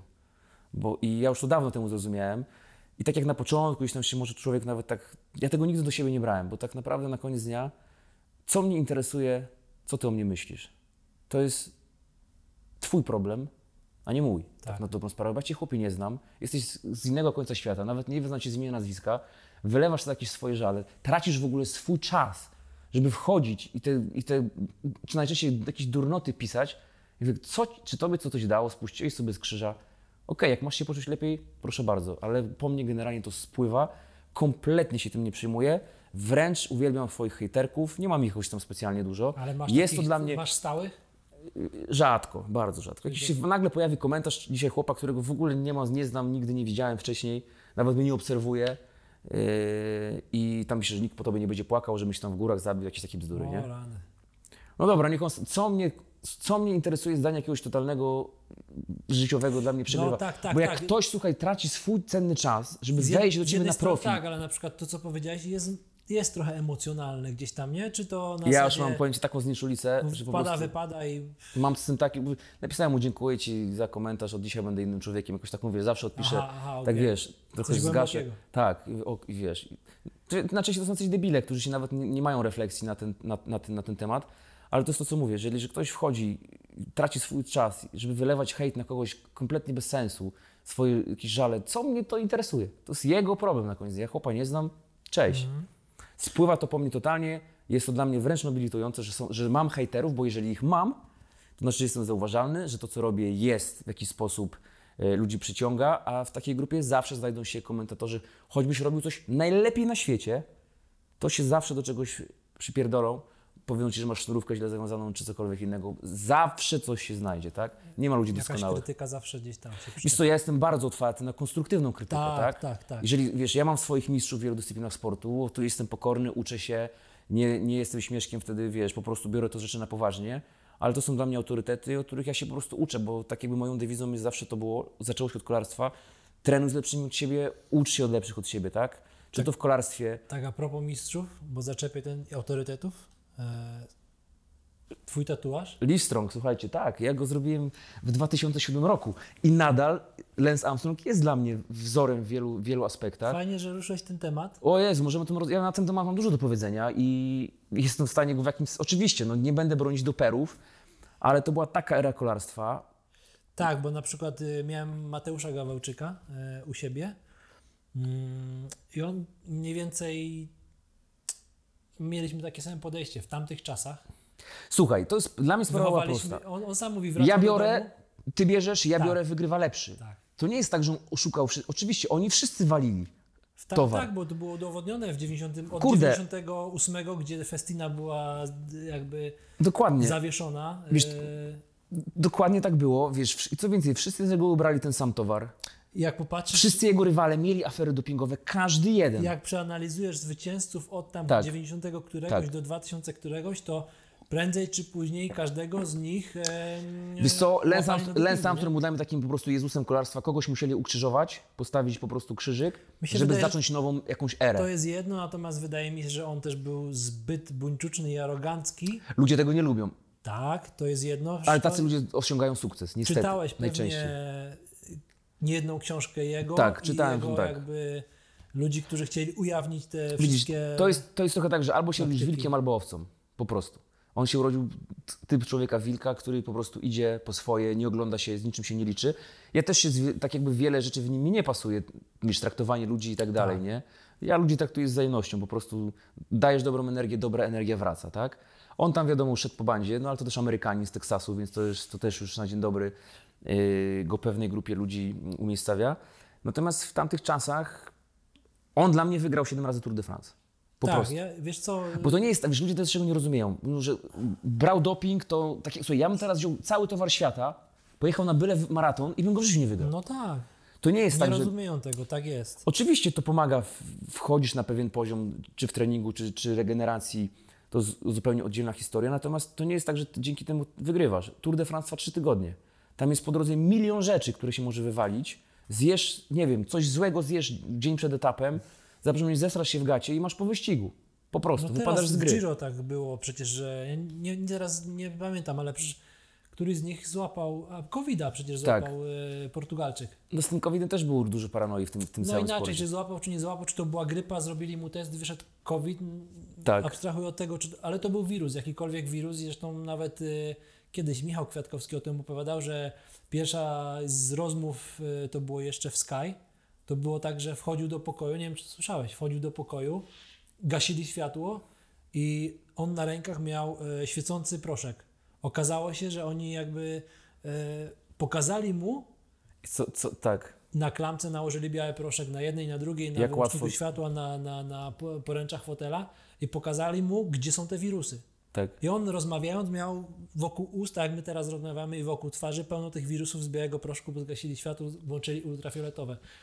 I Nie, tego nie słyszałem nawet. Ciekawa no, gdzieś, historia. Ktoś, ktoś to opowiadał właśnie. yy, nie wiem, czy w jakimś wywiadzie właśnie Michał Kwiatkowski tego nie opowiadał, nie? Że w Sky było, nie wiem, czy za jego czasów, czy jeszcze wcześniej, ale inaczej, no Sky wychodziło z tej ery tam gar, marginal gains, tak? Czyli oni na wszystko patrzyli i tak dalej. No i tam widać to było, że te bakterie są wszędzie. I w tym trzytygodniowym wyścigu jest dokładnie tak samo. Wszystko cię może naprawdę, nie wiem, złapiesz kapcia w nieodpowiednim Tak. momencie, tak? Albo- Przestrze- przestrzelisz zakręt, będziesz udział brał w kraksie, no jest milion czynników, tak? Albo gdzieś tam musisz pójść za potrzebą, jak Nawet Dimulę. Dimulę, przecież kurde, jak się tam łamał za znakiem, nie? No to jest legendarna scena przecież. Także takie rzeczy, się- on po prostu, tam też trzeba mieć, wszystkim być doskonale przygotowanym, ale też trzeba mieć trochę szczęścia w tym wszystkim, nie? Dużo Więc szczęścia, natomiast y, też dużo szczęścia w przygotowaniach, tak? Że wszystko wiesz- musi pójść z Lens był sfokusowany na konkretny cel. Absolutnie wszystko było pod to podporządkowane. Pod Tour tak? de France. On chciał wygrać. Wiele razy mu zarzucali, że nie był na Tak. Giro, nie był tu, Ale, nie był tu. no i co z tego? On chciał wygrać Tour de France. Tak, to jest tak, jego tak, sprawa, tak, po tak, prostu. Tak. Natomiast chcę- to byli też hejterzy, którzy, których wtedy nie było w social to jest, mediach. to jest tak, tak samo jak teraz u nas ludzie krytykują Alberta Karasia. Którego Tak. ja, ja naprawdę podziwiam za to, co chłop robi, bo robi rzeczy dla mnie niesamowite, żeby walnąć pięciokrotnego Ironmana po prostu longiem w takich niesprzyjających okolicznościach, a ci tam, a wystartuj na Ironmanie, zrób tamto, sram to, wam to. Nie, Tak, tak, on powiedział tak, jasno, ja to robię ludzie, słuchajcie, dla pieniędzy, to jest wokół tego wielki szum medialny, wszyscy o tym mówią, jest to naprawdę wysiłek ekstremalny, każdy, kto trenuje wie, że to jest po prostu niewyobrażalne, to co on, to, co on wyczynia, a, te, wiesz, te Wiesz, komentarze... Gadają, tak, gadają bzdury, że tam, nie wiem, startuje iluś tam zawodników, tak, no ale to bądź jednym z nich, tak? Dokładnie, ja mówię, jeżeli chcesz, stwórz sobie swoją kategorię, nie wiem, 50 Ironmanów, Tak, cokolwiek, tak, tak? tak, tak. Znalazł swoją niszę, realizuje się w tym, są z tego pieniądze, są sponsorzy, jest po prostu wokół tego yy, niesamowity hype, a ludzie mają po prostu, ludzie mają ból dupy o stary, o wszystko. Ale na koniec dnia właśnie, tak jak mówię, tych, fajnie mieć tych hejterów, bo to jest tak trochę, wiesz, to, to wielu osób, takich mocnych ludzi motywuje bardzo, tak? W- tak jakby daje takiego, wiesz, wiatru skrzydła, to też zależy od psychiki. Ja hejterów uwielbiam po prostu. Od samego początku zawsze lubię się z nimi czasami w dyskusję wdawać, trochę ich do parteru sprowadzić albo wykazać dużo pokory. Różne są, że tak powiem, techniki rozmawiania z nimi. Czasami po prostu pisujesz OK i cześć, nie?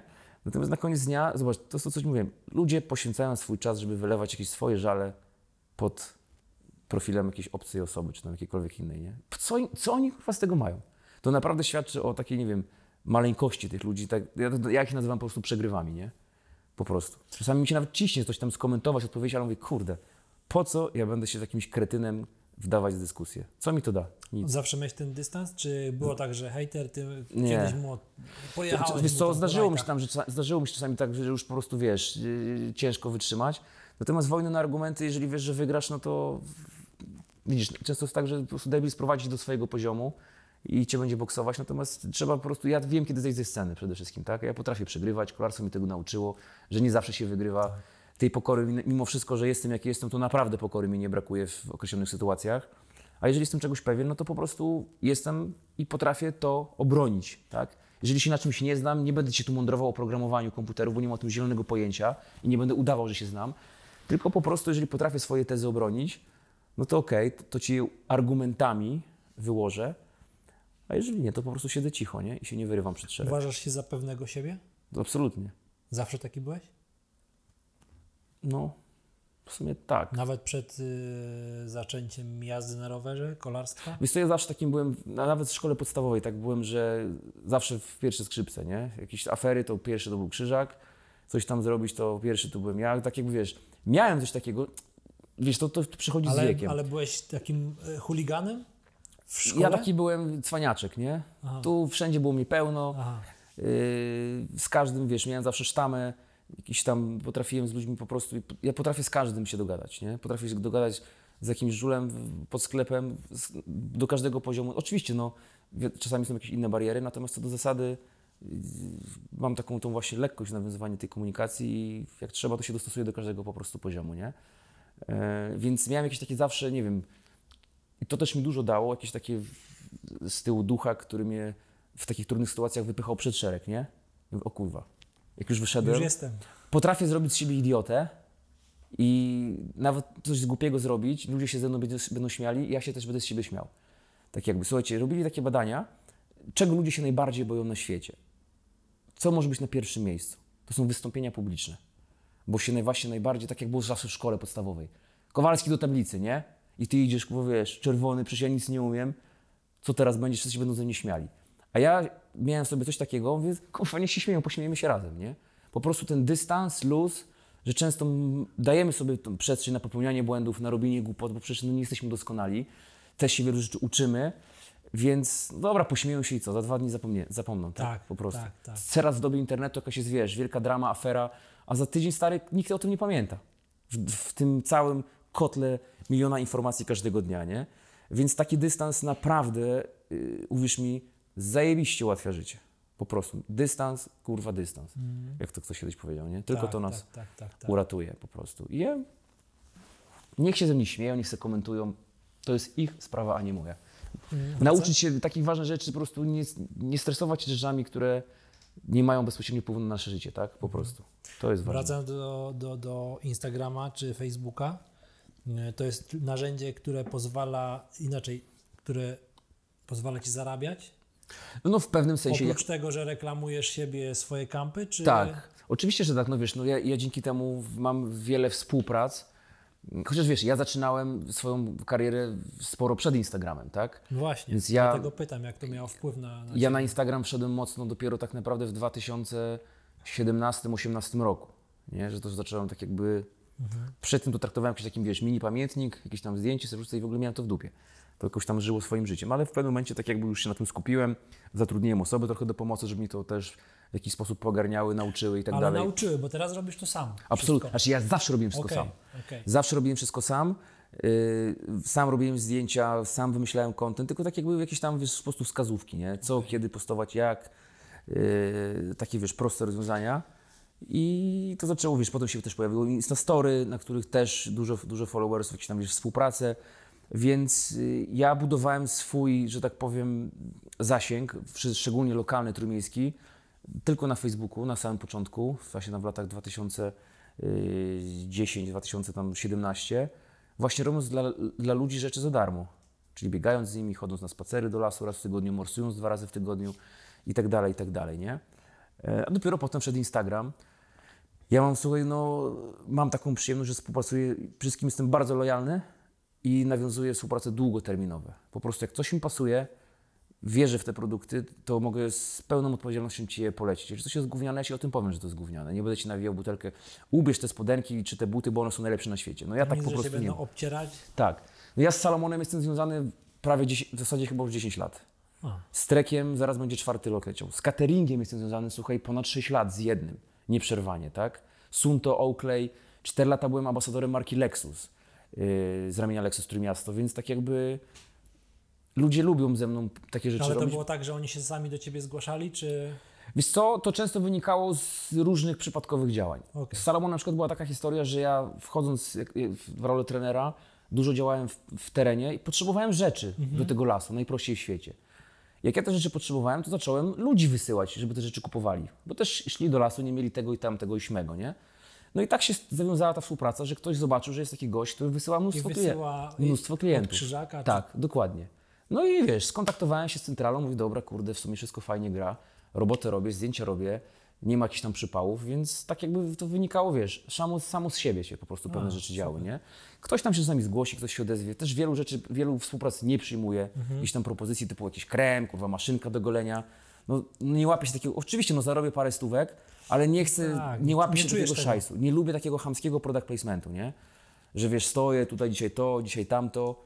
Ja staram się te treści przemycać mimo woli i tak jakby w praktyczny sposób, że dlaczego ten zegarek jest fajny.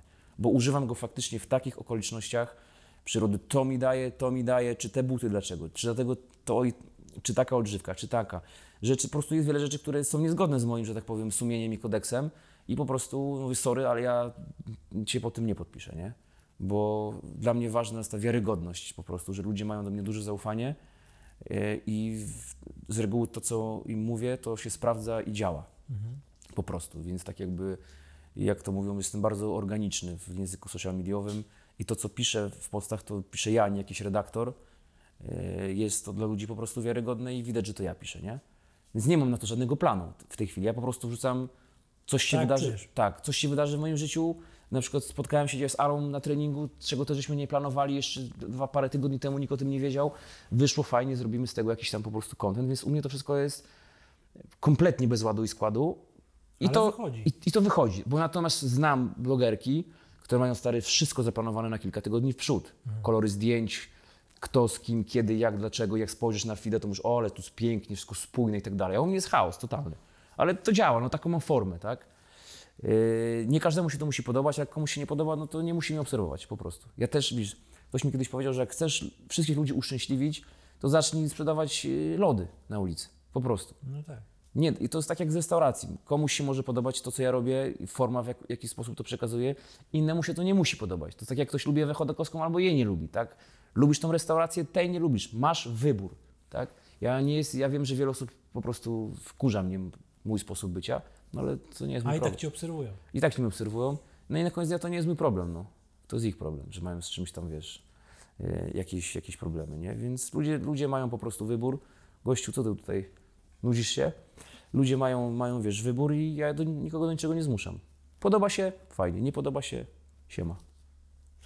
E, Ostatnimi czasy na Twoim profilu to też jakby mm, można było zauważyć, poruszać temat ważny, temat depresji.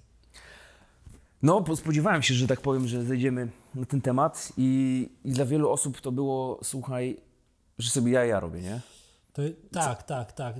Co- raz, co, że, kurwa, raz że ja, ja nawet jakbym nie wiedział e, z Instagrama o tym, to W życiu byś nie powiedział. Znaczy nawet bym nie uwierzył, bo tak Ale mi wiele z tobą, siedząc z tobą, my się nie znamy na zasadzie, może się kojarzymy, ale nie, nie zamieniliśmy nigdy więcej e, czasu rozmawiając e, i to tak jak po pierwszej godzinie można odczuć całkiem inne fluidy i tak jak mówisz, że Wiesz, bo to jest tak, że nawet w trakcie tej rozmowy to są takie momenty, kiedy zapominasz o tym. że masz jakieś tam problemy z tyłu głowy, tak? Yy, wchodzę w takie swoje środowisko, mamy fajną rozmowę i to są te chwile, kiedy, że tak powiem, ten pro, problemy twoje, które cię tak jakby do tego doprowadziły, schodzą na trzeci plan i wyłączasz się. Natomiast przychodzą też takie dni, że po prostu budzisz się i masz ochotę nic tylko się gapić cały dzień po prostu w sufit, bo nie masz ochoty na nic, tak? Widzisz, ze sportowcami to jest tak, bardzo wielu sportowców zmaga się z tym problemem. Tak. Jednym nie- z pierwszych, który o tym mówił, to był Michael Phelps kilka lat Tak, temu, nie? dokładnie. I ludzie właśnie zawsze, widzisz, mnie też traktują przez pryzmat takiego śmieszka, tu wszystko fajnie, wesoło, super życie. Yy, ale kiedyś taki właśnie krążył mem, gdzie były zdjęcia wielu osób znanych z całego, z całego świata. Marilyn Monroe, czy Robin Williams, aktor, tak jakby osób... Jim Carrey Jim Carrey, dokładnie. No jak taki chłop wiecznie uśmiechnięty może mieć depresję? Ludzie w to tak jakby się biją, przecież to jest niemożliwe, tak? Ale tak jakby często właśnie pod, tym, pod tą przykrywką uśmiechu każdy toczy jakąś tam swoją wewnętrzną walkę. Yy, powodów ku temu może być naprawdę, każdy ma jakiś tam swój powód. W przypadku sportowców, ja tak trochę to analizowałem, to też wynika z tego, że sportowcy żyją takie, takie trochę bajce. Że mamy ten trening, jest, jest jakieś są sukcesy, wszystko jest fajnie i nagle mi się wydaje, że ja mam cały czas 25 lat, nie? Mentalnie, a się okazuje, że ja mam zaraz 40. Dociera do ciebie y, świadomość tego przemijającego czasu. Ja wspominam jakieś wyścigi i się okazuje, że to było 15 lat temu. Jak ja, nagle dzisiaj mi wyszło przypomnienie sprzed 16 lat, wyścig, który wygrałem w Gdańsku, nie? I mówię, matko boska, 16 lat, 40 na karku. Yy, ten czas po prostu leci, nie cof- trzeba się z tym po prostu pogodzić. W podłoży tych depresji to, to mogą być naprawdę najrozmaitsze sprawy, czy jakieś problemy z dzieciństwa, czy w moim przypadku tak naprawdę takim gwoździem do trumny było życie osobiste, jakaś relacja, w którą się, że tak powiem, yy, zawiązała i którą jeszcze odchorowuję dosyć, dosyć mocno, ale właśnie dzięki temu, że właśnie wyjeżdżam, spotykam na swojej drodze fajnych ludzi, to mi pozwala od tego wszystkiego uciec, tak? Yy, Niestety muszę powiedzieć na własnym przykładzie, że yy, alkohol, który gdzieś tam się w w pewnym okresie pojawił dosyć często, w moim życiu nawet za często, niemalże codziennie, yy, tylko i wyłącznie pogarsza sprawę, tak?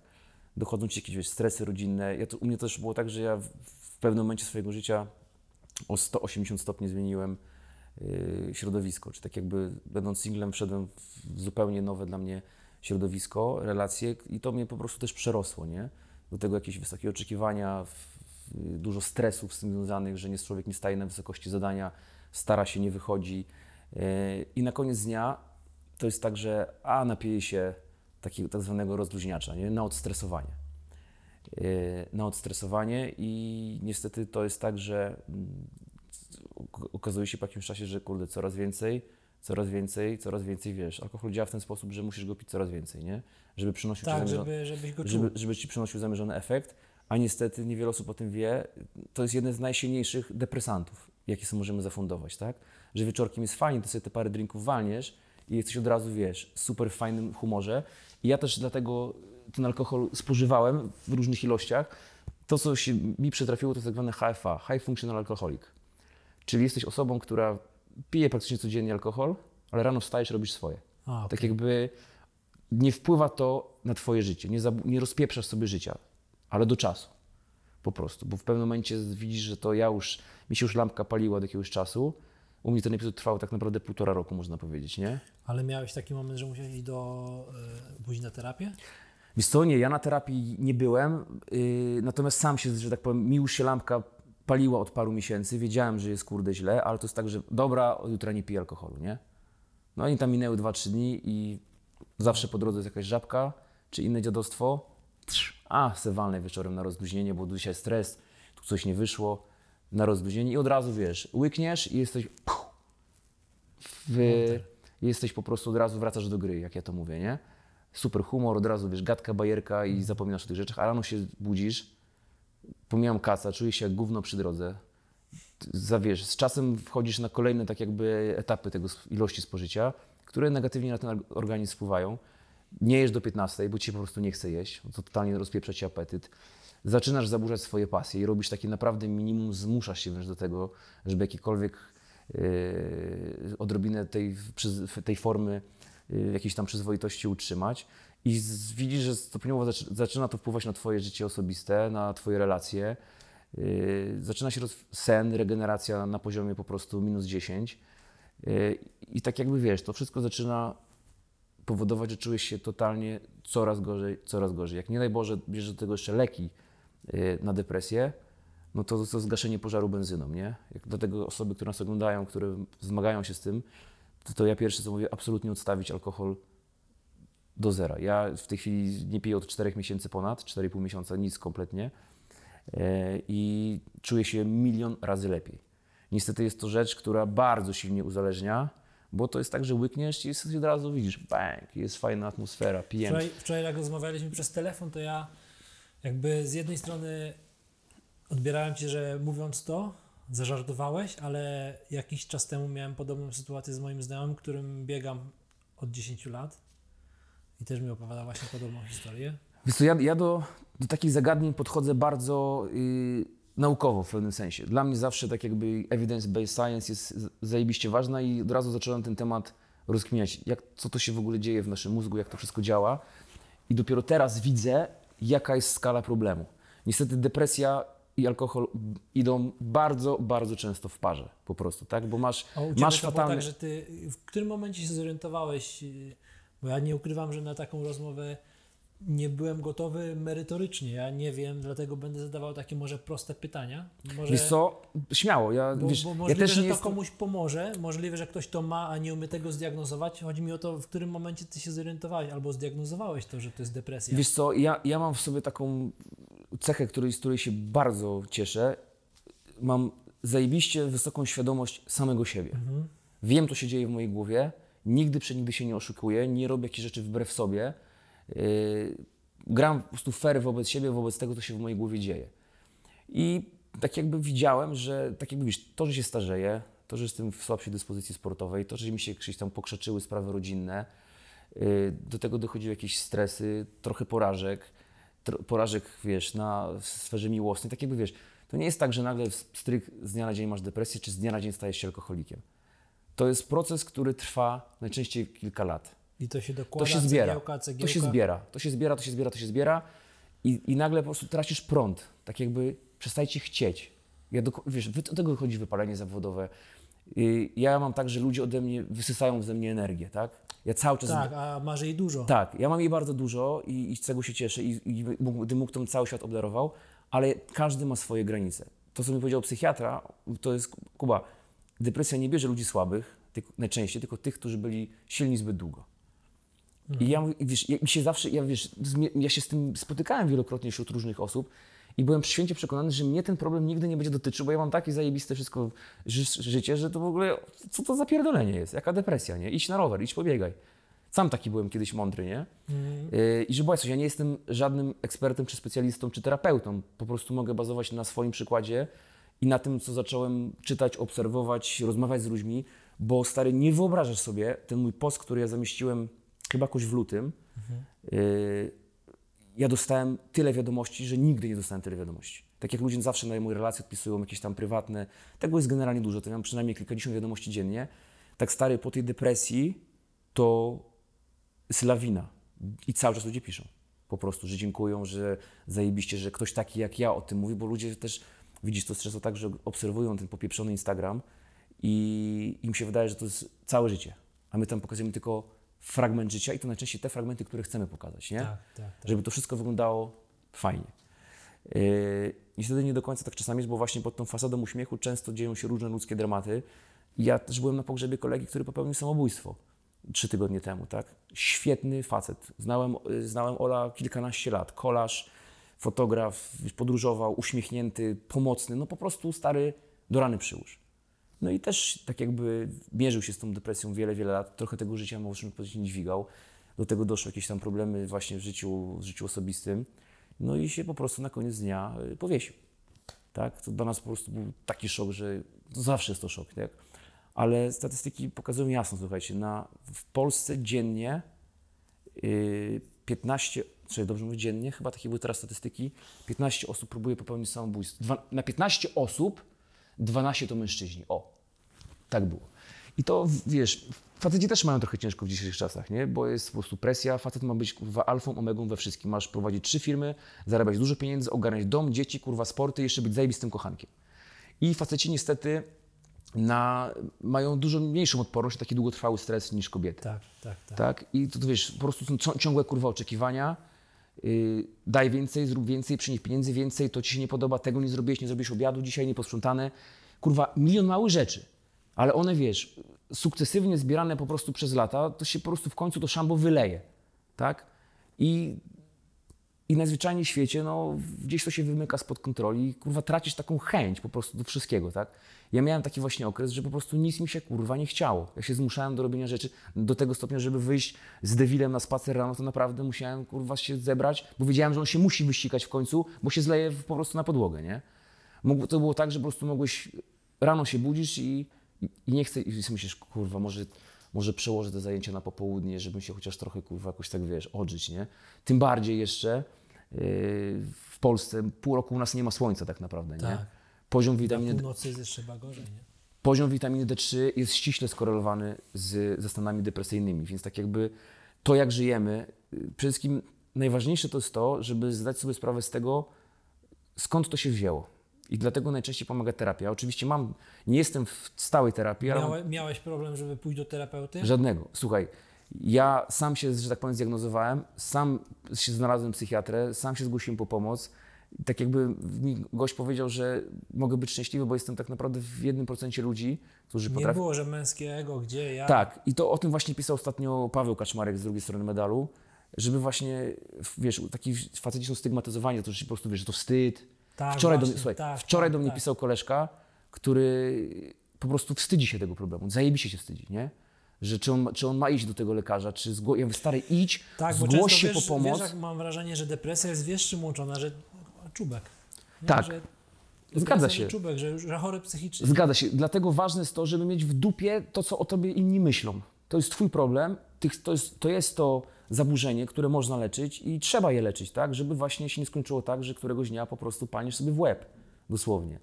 I ludzie się o tym wstydzą mówić i dlatego dostałem tak wiele wiadomości, bo po prostu powiedziałem wprost, że jestem na takim etapie mojego życia, tyle rzeczy się poskładało do kupy, że mi się po prostu, kurwa, straciłem cały prąd. Po prostu wyssali, wyssano ze mnie przez tyle lat energię. Nie da, I to właśnie moja przyjaciółka, terapeutka powiedziała, Kuba, nie da się żyć cały życie na takim haju, jak ty żyjesz. To prędzej czy później pierdolnie. Ja mówię, co ty opowiadasz, Karolka, jaki tam, nie ma takiej możliwości. Ja będę całe życie po prostu, wiesz, wysoko w chmurach. No i wiesz, jakieś tam zaczęły się pojawiać kłody, tu coś, tu coś, tu coś. I takie mówię, te małe cegły. Mhm, I w pewnym momencie, wiesz, ten fundament gdzieś tam jest kruchy i to się nagle bum, nie? Dochodzi i tak mówię, no każdy ma jakieś, czasami są to też, wiesz, rzeczy, którymi dziedziczy się pewne rzeczy, tak? Jakieś, wiesz, obciążenia rodzinne. Tego, słuchaj, powodów każdy ma jakiś tam swój i naprawdę nie wolno tego oceniać, tak? Nie wiem, środowisko, w którym pracujesz, ludzie w pracy, którzy cię wkurwiają, ale wiesz, pewne rzeczy, które się nawarstwiają, na koniec dnia po prostu jest, każdy ma jakąś wyporność i prędzej czy później coś, za przeproszeniem, jebnie. Pytanie kiedy i gdzie, nie? Tak jak w treningu siłowym. I, i na przykład, jeżeli wiesz, wracając do alkoholu, ja teraz patrzę na to zupełnie indziej. Cieszę się, że jestem na takim etapie, że mimo tego, że od paru dni mam dosyć fatalny taki stan psychiczny związany jeszcze z moją byłą relacją, cieszę się, że w takim kryzysie w ogóle nie myślę na przykład o alkoholu, wręcz się nim brzydzę. Byłem ostatnio u przyjaciela na 40, godzina 21, powiedziałem sorry, wychodzę, tak? Trzeba zmienić środowisko, a niestety jak patrzę przez pryzmat środowisk, w których ja się poruszam, a poruszam się w bardzo różnych środowiskach ludzi, z różnych sportów, nawet ludzi kompletnie niesportowych, nie zdawałem sobie sprawy, że skala alkoholizmu jest tak olbrzymia, to jest raz, i niestety ten alkoholizm tylko i wyłącznie przyspiesza problemy, które się potem pojawiają związane z depresją. Tak, tak, właśnie z tym alkoholem to też ostatnio zauważyłem, za, zacząłem obserwować ludzi i to nawet choćby, może głupi przykład, ale jak obserwujesz sąsiadów. Tu czteropaczek, Stary, tu coś tam. dokładnie, Nie? Tu mam sąsiada, który s- na osiedlowym sklepie. scho- schodzi do piwnicy, jara sobie trawkę, patrzysz, czteropaczek niesie do góry i to wcześniej na to nie zwracam uwagi, szczególnie, że ja jestem z branży, która handluje alkoholem. A, I to wiesz, normalne, normalna rzecz, tak jak nie wiem, bułki, hot dogi w żabce, kawa na stacji, normalna rzecz, alkohol wszędzie, tak? I, ci, i mówimy, wiesz, w Skandynawii, tam to jest, wiesz, reżim, więzienie, z jakichś tam powodów to jest, y, z racji to, co powiedziałeś, słońce, Wiesz, tam był największy odsetek samobójstw Tak. w Skandynawii, tak? tak. tak. Brak właśnie tego słońca, brak ludzi. Yy, co tam robić? Chlać po prostu, tak? Wiesz, te własne bimbry pędzili tak. Jakby, i tylko te stany się po prostu napędzały i w końcu dochodzą do takiego punktu, kurwa, co, nic tu po mnie. Tak, tak. I było to dla mnie normalne, natomiast właśnie z żoną sąsiad tu, ten, tamten, a tu widziałeś, a tu i to nigdy nie było tak, że interesowana z życie innych, ale z automatu, jak spotkałem się tutaj ten znajomy, tutaj ten znajomy i to w pewnym momencie ludzie zaczynają o tym mówić. Tak. I to często ludzie z mojego bliskiego otoczenia, których nigdy bym jakby nawet nie, że podejrzewał, nie widziałem u nich, bo mam z nimi kontakt całe lata i nie widzisz, że on by tam był zblazowany na drugi dzień. Czasem było tak, że coś od kogoś poczułeś, mówisz, a chyba dał wpalnik, ale to wypił, nie wiem. Kto nie dał wpalnik, nie? Dokładnie, Prawda? normalna rzecz. Słuchajcie, tak? prawda jest taka, że takie obserwuję teraz bardzo fan, fajny profil, który wam polecam. Nazywa się Alkoholik z TikToka. Chłop ma naprawdę mało followersów, ale jest zawodowym alkoholikiem. Też trzeźwym od, od wielu lat i w, w zajebisty sposób o tym opowiada. I, I naprawdę odpowiada na każde pytanie. Wiesz, oczywiście choroba alkoholowa ma swoje różne stadia, tak? Ale takie regularne czekanie na przykład na weekend, żeby się po robocie odciąć, kurde, wiesz, trzy dni pójść gazem, to jest alkoholizm. Codzienne popijanie winka, flaszki winka. Boże, ile mam takich koleżanek starych. Codziennie flaszeczka, co to flaszka winka, nie? Ale się okazuje, że to jest dzień w dzień flacha wina walona. Tak, to jest alkoholizm. tak, Tak, tak, tak, tak. Ludzie, wiesz, na przykład dajesz sobie, pięć dni nie piję, po to, żeby szóstego dnia się najebać. To jest alkoholizm, tak? I niestety to się z czasem, oczywiście, no, każdy jest inny, niektórzy to trzymają konstans przez całe życie, inni, że tak powiem, walą coraz więcej, coraz więcej, coraz więcej i zaczynają rozpieprzać wszystko dookoła. Yy, pracę, życie osobiste, pasje i tak dalej, i tak dalej. Yy, wszystkim najczęstszy problem to jest wypieranie tego problemu. Ja wiedziałem, że mam problem. Po prostu rano stałem przed tym lustrem, widziałem moją napuchniętą mordę yy, i mówię, jest kurwa krzyżak, jest problem, nie? To już tak wiesz, tak jak ja, u mnie też było tak, że ja bardzo wiele lat nie piłem w ogóle alkoholu, bo, bo sport, byłem w pełnym gazie, Tak. gdzieś tam sobie pozwalałem po sezonie na jakiś tam wiadomo, opić sezon i tyle, nie? Ale żyłem w takim reżimie. Potem się wiesz, trochę poluzowało i, jest zawsze milion okazji, tak? Jest, mam duże grono znajomych, tu drineczek, tu drineczek, tu drineczek, tu piwko, tu coś, tu coś, nie? Okazji jest milion codziennie sobie znajdziesz okazję. A czasem już jest tak, że nawet nie potrzebujesz okazji, bo sam se kupujesz i sam se walisz w domu wieczorem. Wieczorem. Po prostu. Netflixa odpalisz. Dokładnie. Tak, tak, Nie? tak, tak, tak. Więc to jest y, problem, jest zajebiście duży i widzę wśród swoich znajomych, ja o tym mówię na głos, nazywam rzeczy po imieniu i bardzo dużo osób to po prostu wypiera. E, co to tam, oho, ho, ho, co ty tam pierdolisz? Mogę nie pić nie rób, tydzień. O, dokładnie. Ja mogę, to, to jest stary hit. Od ja mogę nie piję i tak, udowodni ci, że... ja mogę nie pić tydzień, a potem miną trzy tygodnie. Pff. No. I najczęściej właśnie jest tak, że po prostu ludzie tylko czekają na to, żeby właśnie od, odstresowanie to jest słowo klucz po prostu. Nara, że tak powiem, spuszczenie z krzyża całego stresu, nie? Pyk, pyk, pyk i to potem, wiesz, stresy się nawarstwiają, problemy się nawarstwiają, proza życia dopada, Alkohol to stopy procentowe w potęguje. górę, alkohol to tylko potęguje, tak? Działa fajnie tu i teraz, ale rano widzisz, jak człowiek się czuje jak gówno przy drodze, nie? Po prostu. Także ja jestem o tyle w dobrej sytuacji, że też wszystkim tutaj duże pokłony dla moich przyjaciół, którzy byli w tym czasie koło mnie, No właśnie, ale analiz... O, którzy mnie, tak znajomi powiem, przyjaciele wiedzieli o depresji, o alkoholu? Ty mówiłeś o tym, czy, czy to było tak, wiesz ja co? mówię, że normalne, że ten lubi piwko, Wiesz co, powiem lubi... tak, jak ja się zgłosiłem tam do psychiatry pierwszy raz, to było tam niecały rok temu, to on tak jakby na początku, Ile tego, to, ile to trwa, jakbyś to tak w tył przeanalizował? odkąd zacząłem widzieć problemy, Y, Ale mówię z depresją. Czy to czy nie, dało, nie było takiej granicznej Wiesz linii? co, to, to jest tak, że to, nie, mam, nie, mam, nie mam takiego breakpointu, tylko to jest tak, że po prostu czekasz, aż, nie wiem, mi się na przykład czekałem, aż mi się znowu zacznie chcieć robić różne rzeczy, tak? tak jakby, gdzie ta moja energia wróci, że po prostu już przez- w Starejewkowidzie prawie dwa lata siłowo nie trenowałem, bo mi się kurwa nie chciało, po prostu. I No tak jakby- pół roku przerwy od roweru. na rowerze nie jeździłem pół roku. Od października do, do wyjazdu do Kalpy nie byłem ani razu, co można na mojej strawie zobaczyć, nie byłem ani razu na rowerze, tak? E, po prostu odechciewało mi się robić kolejnych rzeczy. Tra, po prostu tak sukcesywnie traciłem prąd do działania. Do tego jeszcze tak jakby życie osobiste dołączyło, które tam mnie też poboksowało dosyć mocno. I Ale to było tak, że życie osobiste, w sensie ty miałeś wizję w głowie każdy ma swoją wizję i na koniec ona dnia. Ty... była za daleko poszła? Nie, Zbyt po prostu głęboka, czy było takie odcięcie? oczekiwania po prostu stron nie, pokrywały się, Okej. można powiedzieć. Ale nie było też tak, że to było widoczne od początku, ale Nie ty... sobie, umówmy się, początki są zawsze zajebiste. Tak, ale no jednak czasami człowiek im starszy, tym ma doświadczenie takie, I że co, i to wyda- i wy- od razu te szkice się nie pokrywają, nie? Widzisz, że to nie zagra, że ty lubisz sport, a ktoś lubi Netflixa. No to u mnie grało mnóstwo, że tak powiem, rzeczy było stycznych, które, y, które były absolutnie zajebiste, ale też były te, które, z którymi ja nie miałem problemu, ale druga strona niekoniecznie akceptowała, nie? Jakiegoś tam wszystkim podejścia do życia, filozofii życia, takich już, wiesz, oczekiwań, bezkompromisowości i tak dalej, i tak dalej, nie? Związki to jest trudna sprawa, ja w nich Tak. może nie mam dużego doświadczenia, raczej zawsze gdzieś tam na koniec dnia po dupie człowiek dostawał. Może nie każdy są stworzeni do życia w związku. Może tak po prostu lepiej, nie każdy musi być. Może możemy być jak Kuba Wojewódzki, prawda? Co jakiś czas po prostu spotyka się z jakąś małolatą, żartuję oczywiście. Ale to jest też trudny case i, i też widzę po swoich znajomych, jak wiele osób to wpędza w szambo, że tkwią w jakichś relacjach, toksycznych relacjach i to też napędza problem, nie? Że właśnie chlanko, że kolejne klocki dokładają się, że, że wiąże ich kredyt, wiąże ich dziecko i ci ludzie są naprawdę szczerze, kurwa, ze sobą nieszczęśliwi. No ale są na siłę, bo jest to, bo jest to, bo jest to. Yy, więc ważne jest to, żeby właśnie umieć sobie zdać sprawę z tego, albo wrócić przy pomocy terapii, odkopać gdzieś tam w jakieś stare brudy, skąd, gdzie jest taki był początek tego, skąd to się wzięło. No ja na szczęście do takich rzeczy doszedłem. Yy, zrozumiałem te cegły, które się po, po, kolei też dokładały, no i na koniec dnia po prostu jest tak, że ci się kurwa nie chce nic. Po prostu możesz się gapić cały dzień kurwa w sufit. No.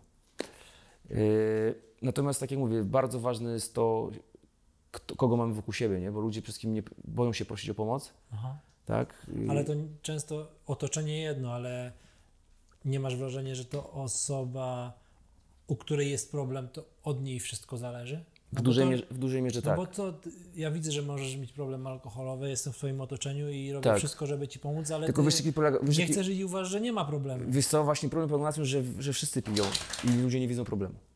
Dopiero ja sam widziałem, ja już widziałem od paru miesięcy, że jest problem, nie? Już mi się lampka zapalała, mówię, dobra, to już tam od jutra, nie? I tak to od jutra przekładałem przez ileś tam miesięcy. Okej.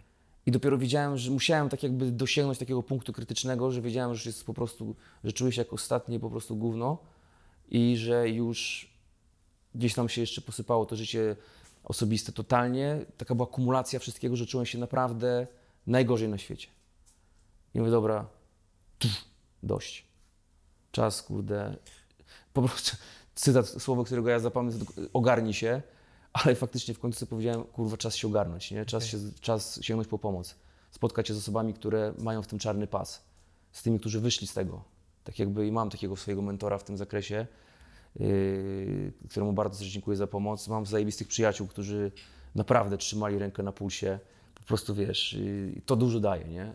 To naprawdę jest bardzo ważne, bo często ludzie zostają sami z tym wszystkim i potem finał jest taki, że nie dźwigają tej rzeczywistości. Jest taki dzień, że naprawdę chcesz sobie pierdolnąć w łeb. I niestety impulsywnie to zrobią, skutecznie. Bum, a wystarczyło tylko po prostu czasami zapytać. Ludzie, wiesz, no ludzie się boją o takich rzeczach rozmawiać, nie? Ja na szczęście się nie boję o tym mówić, nie wstydzę się tego. Jakie będą tego konsekwencje, nie interesuje mnie Wiesz to. co, Ja, konsekwencje... ja dźwigam wszystko, wiem. natomiast powiem Ci tak, wiele osób, naprawdę, co, co jest dla mnie budujące i mi też to pomaga, że o tym mówię, yy, powiedziało, że po prostu czekały na coś takiego. Że, Właśnie że, to chciałem powiedzieć. że to na maksa, że to im dało, kurwa, że to, że ja to powiedziałem, że akurat ja, a nie jakiś tam sąsiad, który, który jest dla nich nieistotny, powodowało, że jednak mówię, kurwa, czyli to jest problem, który dotyka każdego. Tak, i właśnie Nawet ciekawe- case ostatni z rozwodu Johnego Deppa, tak? Z tą kobietą. Też był właśnie poruszony w kontekście tego, jak faceci mogą mieć po prostu przesrane w życiu i że to, że jesteś celebrytą z pierwszej strony gazet, to nie znaczy, że masz cudowne życie. I że po prostu. ryzyka. Dokładnie. Ale właśnie to, co powiedziałem wcześniej, że też ty to powiedziałeś, to widać, bo tak powiedziałeś, niektórzy nie, nie rozumieją tego, że życie na Instagramie to jest wycinek i wszyscy odbierają ciebie mega pozytywny, Tak. tryska energią, y, robi, robi różne rzeczy e, fajne i teraz to, że ty to powiedziałeś, to jest taki moment, że mówisz, kurde, tutaj gość pozytywny, To jest, sport. wiesz co, to jest mindfuck totalny dla ludzi, nie? Bo właśnie to jest to, że w, telewizji ludzie się uśmiechają. Po prostu. Ja w swoim życiu też miałem niestety w rodzinie, troszeczkę dalszej rodzinie, yy,wu- wujka, który zawsze był duszą towarzystwa, podróżował, robił tysiące różnych super rzeczy do rany przyłóż. i na koniec sobie strzeli w łeb. Parę lat temu, nie? I w życiu byś stał, po prostu, ja mówię, jak? Wiedziałem, miał jakieś problemy, tak? Jak każdy. Tu kasa, tu coś, tu Tak. coś, ale tak jakby wiesz, te problemy ukrywane przez lata, które się nawarstwiały, stawiają w pewnym momencie człowieka pod ścianą i to jest, wiesz, impuls, chwila, moment i cześć, nie? Dlatego, wiesz, przewijają się te posty, ludzie, wiesz, o, zapytaj, jak się czujesz i tak dalej, to faktycznie ma sens, nie? Mówienie komuś, idź na rower, idź pobiegaj, kurwa, nie jest rozwiązaniem, jak się okazuje, tak? Oczywiście, No właśnie chciałem zapytać, jest ważne. Jak, jak, jakie, jakie są pierwsze kroki do tego, żeby samemu albo z pomocą czyjąś sobie Znaczy, wiesz co, u mnie jest tak, że wszystkim jak sobie zacząłeś zdawać sprawę z tego, że jesteś w, dupie i się w niej zaczynasz urządzać i tak jakby, ja miałem taki wewnętrzny impuls, nie? Wiedziałem, że kurde, całe życie robiłem tyle fajnych rzeczy, miałem tą energię, chcę tą energię odzyskać, po prostu. W jakikolwiek sposób chcę wrócić na swoje stare story i jak zdałem sobie sprawę tak naprawdę, dlaczego tu jestem, co, co do tego doprowadziło, chciałem się po prostu to naprawić, tak? Dlatego tutaj, tak jak mówię, te rozmowy z różnymi ludźmi, terapeutami bardzo pomagają naprostować pewne rzeczy. I też to, się, to nie jest tak, że dobra, od dzisiaj, to też jest proces, który się wdraża, nie? Wracać do rzeczy. Czasami do tego sportu trzeba się zmusić. Ja nawet o tym nagrywałem rolkę ostatnio. Była właśnie, też chciałem Cię o to zapytać, yy, tak, bo I to zmuszanie do tego sportu, chociaż naprawdę, kurwa, nie, najchętniej bym leżał i bo mi się kurwa nie chce. Ale mówię, ja tak potrafię, no po prostu mówię, dobra, idę. właśnie Ubiorę się, tak, czy to trzeba tak samo jak i w sporcie, wychodząc z tego, być konsekwentnym i zdyscyplinowanym, że jak podejmujesz pierwsze kroki, to jest Tak. tak samo, idę pierwszy w raz mo- pobiegać, mam 30 kg nadwagi, Tak. wrac- W moim przypadku tak. Pierwszy krok to było absolutne odstawienie alkoholu i to już spowodowało, co jest bardzo ważne, że leki zaczynają działać. Bo najgorsze to jest, tak jak mówię, picie i leki na, na depresję to jest kurwa gaszenie pożaru benzyną, tak? Nie róbcie tego. Yy, więc to spowodowało, że już trz, był pierwszy impuls, nie? Ludzie, no, yy, tak jakby kolejnym impulsem właśnie było to, żeby zacząć od małych właśnie kroków robienia tych rzeczy, które kiedyś robiłem, nie? mieć partnera treningowego. Ja na początku się po prostu zmuszałem do pewnych rzeczy, ale wiecie, jak działa sport. Sport na pewnej intensywności jest doskonałą fabryką hormonów szczęścia. I też to, to na każdym kroku przeczytacie, ten sport faktycznie wpływa na to nasze samopoczucie. Najebałem się witaminą D3, słuchaj, pod korek, po prostu, tak? Tak jak miałem jej poziom po prostu niemalże przy zero, tak teraz strzeliłem prawie pod stówę yy, i to też nauka pokazuje jasno, że ma jedno z drugim związek, tak? Nawet sobie yy, często ludzie też mają duże zaburzenia snu, tak? Ja na szczęście spałem zajebiście, no ale pomagał w tym alkohol. Natomiast jakość tego snu Tak. była gówniana. Regeneracji nie było i to też te hormony, z jednej strony sportem je naprawiam, z drugiej strony je psuję, nie? Więc trzeba tak jakby trochę do tego, ja podszedłem naukowo i, i, te, i te małe rzeczy, które to wszystko naprawiają, zacząłem sobie w całość składać, tak? Słuchajcie, pies jest lekarstwem na depresję, jednym z wielu. W sensie nie wyleczy nas z tego, ale pomaga w tym, że masz Sam powiedziałeś, że musiałeś z nim wyjść. tak, dokładnie. Tak jakby no to jest kurde istota, którą dbam po prostu bardziej niż o siebie i, i faktycznie pokazują terapeuci, że dogo, jest coś takiego jak dogoterapia, tak? Że po prostu tak jakby ta istota ma w sobie taką energię, że kurczę, jest ci po prostu, czujesz się po prostu lepiej, tak? W przypadku tego sportu, tak jak nagrywałem to rolkę ostatnio, mówię, naprawdę tego dnia mi się kurwa nie chciano na rower iść. Ale była, mówię, ładna pogoda, ciepło. Mówię, nie chcę takiego dnia zmarnować, chcę ten dzień po prostu dobrze wykorzystać. Poszedłem na ten rower, słuchaj, i po paru kilometrach cieszyłem się bardzo, że, ten, że się po prostu zmusiłem do tego, tak? I w konsekwencji tego, jak zaczynasz, ja mówię, słuchajcie, żeby była jasność, to nie jest lekarstwo dla wszystkich. Ja mówię o swoim case'ie, Tak. być może komuś to pomoże, tak? Sam powiedziałeś, że nie wiadomo, co jest powodem się nie za, chce- zaczęcia się tej depresji. Każdego jest coś innego. Każdy, słuchajcie, tak. każdy, każdy, że tak powiem, dzierży swój krzyż na plecach, więc tutaj każdy ma swoje ku temu powody, tak? E, natomiast y, jak już sobie zdamy sprawę, zaczniemy te brudy po prostu sprzątać gdzieś tam w głowie, tutaj trzeba się naprawdę wykazać takim dużym, racjonalnym podejściem do pewnych rzeczy i po prostu łopatologicznie wytłumaczyć sobie, dlaczego się dzieje tak, jakie są tego konsekwencje, jak to można naprawić, tak? Od tego są terapeuci. E, Leki też pomagają, chociaż, mi się, chociaż podejrzewam, że nie każdy, bo skuteczność tych leków jest, że tak powiem, dyskusyjna.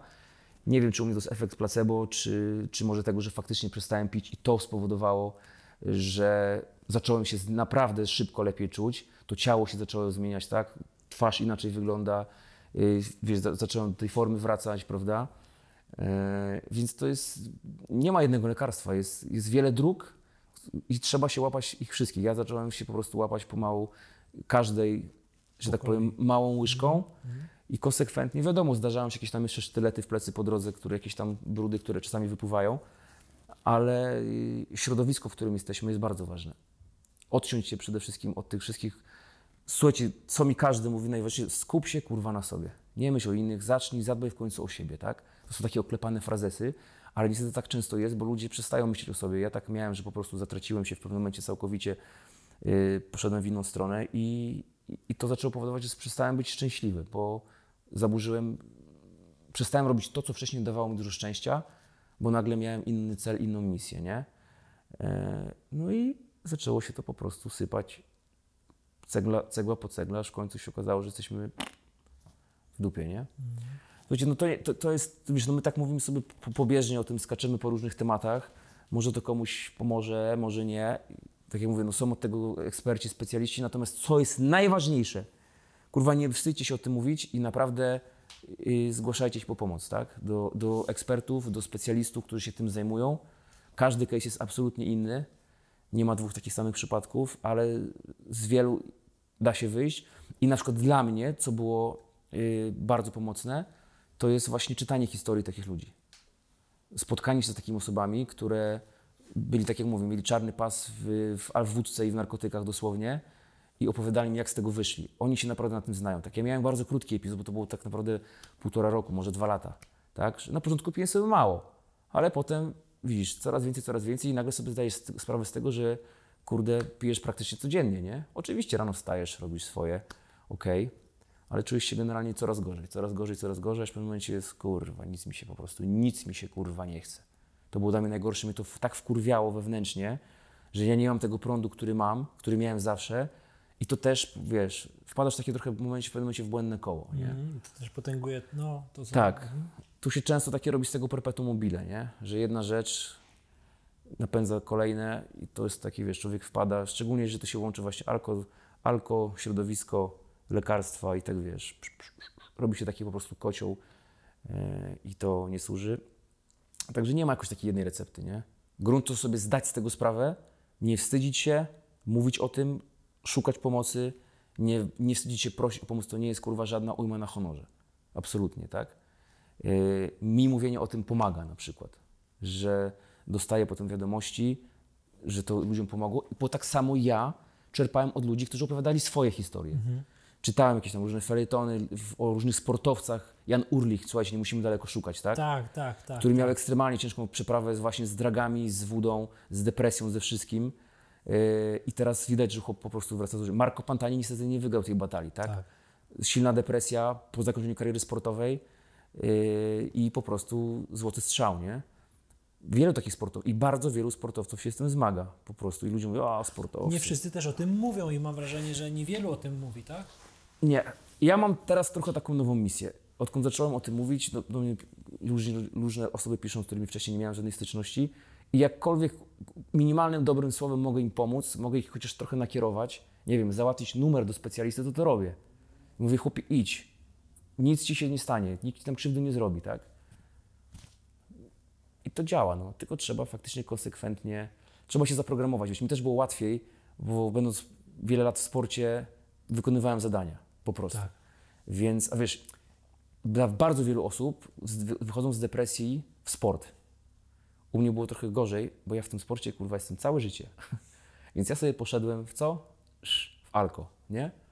Popijanie. Bo mówię, ja miałem tyle tego sportu, że w pewnym momencie po prostu mówię, kurwa, już mi się nie chce, nie? Co by tu robić, co będzie, wiesz. I alkohol faktycznie działa w ten sposób, że sobie łykniesz i jest, jest wesoło, jest wesoło, nie? I dla też dla wielu osób, takich przypadków jest co najmniej chociażby nasz słynny triatlonista, mm, który też właśnie z Monaru wyszedł i, i stał się Ironmanem, prawda? Tak, tą historię, tą his- Podwójnym. podwójnym. Tą historię każdy zna. I to jest fajne. I to jest też trochę mi się wydaje łatwiejsza droga. U sportowców to chyba trochę jest gorzej, nie? Bo my w tym sporcie jesteśmy całe życie. Tak, tak, tak, tak. I tak. tutaj ja uciekłem ze sportu i żeby się teraz nim leczyć, to kurde, wspomagać leczenie, to nie wiem, czy mi się chce, bo mi się nie chce na razie, nie? Więc trzeba szukać innych po prostu rozwiązań. Czyli u Ciebie jest tak, że musiałeś się zmusić do tego sportu, ale im Tak. Częściej go uprawiasz, tym Tak. jest łatwiej? Wróciłem do sztangi, trenowałem z, z moim przyjacielem Marcelem, który mi też do tego dopingował. Mi Kuba, 14 i jesteś, jesteś na trening.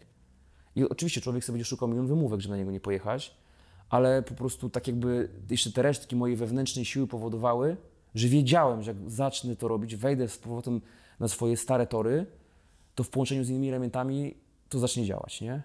I zaczyna działać coraz lepiej. I naprawdę czuję się, milion razy lepiej się czuję, niż to było na przykład o tej samej porze, kurczę, rok temu, nie? Okej, okej, Także okej. najgorszy był grudzień, styczeń. To już było naprawdę chujowo, na maksa chujowo. Yy, No ale i też warto, każdy do, do właśnie do, do, dociera do takiego punktu, gdzie po prostu przysłowiowo przywalisz mordą w glebę, nie? Ja takim, z takim punktem się spotkałem, takim breakpointem, mówię, pff, krecha, nie? To jest to słynne powiedzenie, dobra, od poniedziałku zaczynamy się odchudzać Albo od jutra. od jutra. I u mnie tak faktycznie było, ale tuż przed tym srogo przywaliłem ryjem w glebę, żeby była jasność. Nie będę wchodził w szczegóły, ale było mi to potrzebne, nie? Takie po prostu nagle przychodzi taki katarzis i już naprawdę się To pali... ten moment. Tak, już naprawdę się pali czerwona lampa, że jeszcze chwilę i spierdolisz sobie wszystko, nie? Więc mi się to udało jakoś tak wszystko y, poprowadzić i myślę, że duża zasługa tego jest właśnie sportu, który całe życie y, mi towarzyszy, nie? Tak jakby uczy tego, wiesz, sport naprawdę, szczególnie kolarstwo, uczy tego charakteru, dyscypliny, wiesz, tej walki, niepoddawania się yy, i dlatego być może łatwiej mi się teraz z tym mierzyć, tak jakby, nie? Uczy przegrywania, to jest bardzo ważne, ludzie naprawdę mają z tym duży problem, z przegrywaniem. Tak, tak. No, no bo rzeczywiście nawet w sporcie wczoraj przegrałeś, dzisiaj musisz iść dalej. Nie? Tak, a teraz wiesz, dzieci po prostu do, do, do takich absurdów dochodzi, że dzieci grają małe w piłkę nożną i nie ma zwycięzcy. Żeby druga drużyna nie czuła Nie się... było im przykro. Tak, żeby nie było im przykro, nie? Od małego się wpaja takie coś, Mm, że, że, że, wszyscy- bycie przegranym jest czymś gorszym. Niestety, to jest natura, to jest biologia, są pewne, jest hierarchia, ona zawsze będzie, zakłamywanie pewnych faktów, że ja biegam szybciej od ciebie, ileś tam sekund na Tak stówę. Tak jest, jestem lepszy, sorry, ale ty możesz robić lepiej tysiąc innych rzeczy. I tak będzie zawsze, a w tej chwili dążę do tego, że kurwa wiesz, wszyscy są tacy sami, wszyscy są równi, no to kurwa niestety tak nie jest. Albo się rodzisz wilkiem, albo się rodzisz owcą. Po prostu, nie? I to też widać na przykładzie właśnie liczby samobójstw wśród właśnie młodzieży w wieku gimnazjalnym, tak? Czytałem teraz taki przerażający felieton, yy, gdzie właśnie kobitka z Wydziału Psychiatrii opisywała te case'y, gdzie najmłodszym samobójcą był ośmiolatek, O rany. Tak? Wiele dzieci podejmuje te próby nieudolnie, bo nie potrafią tego zrobić skutecznie. Natomiast dwa lata lockdownu, można powiedzieć, to był stary taki katalizator do tego szamba, żeby to wszystko wyjebało, że ludzie nagle Czyli to spotęgowało. o Jezus, stary, to po prostu otworzyło puszkę Pandory. We, według tych wszystkich yy, badań, które tam prowadzili, że właśnie ludzie nagle, wiesz, te dzieci chodziły do szkoły, miały zajęcie, rodzice chodzili do pracy, widywali się mało.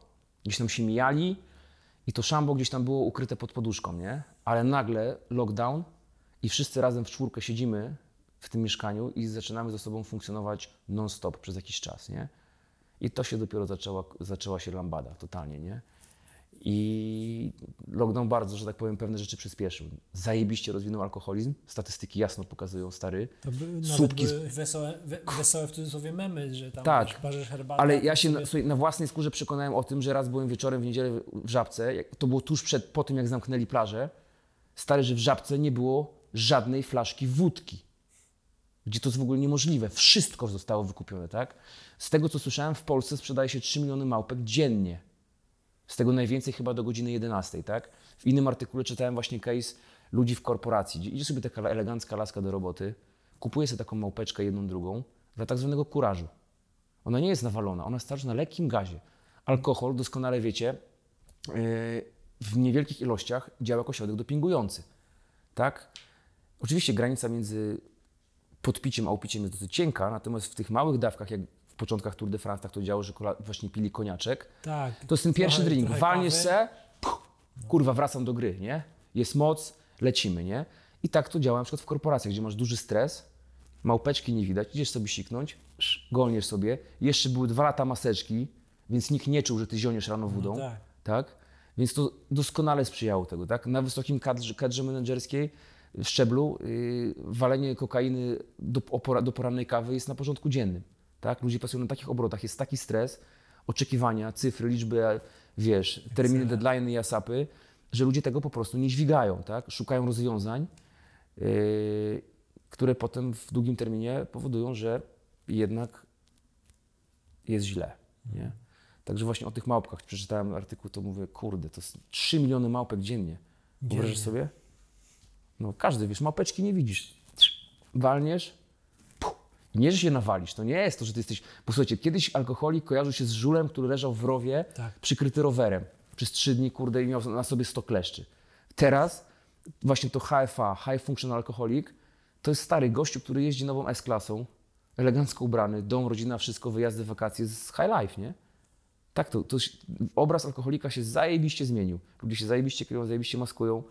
Yy, I będąc trochę w tych butach, wychodząc z tego szamba, mam teraz na to zupełnie inną optykę, nie? I zupełnie inaczej na to wszystko patrzę.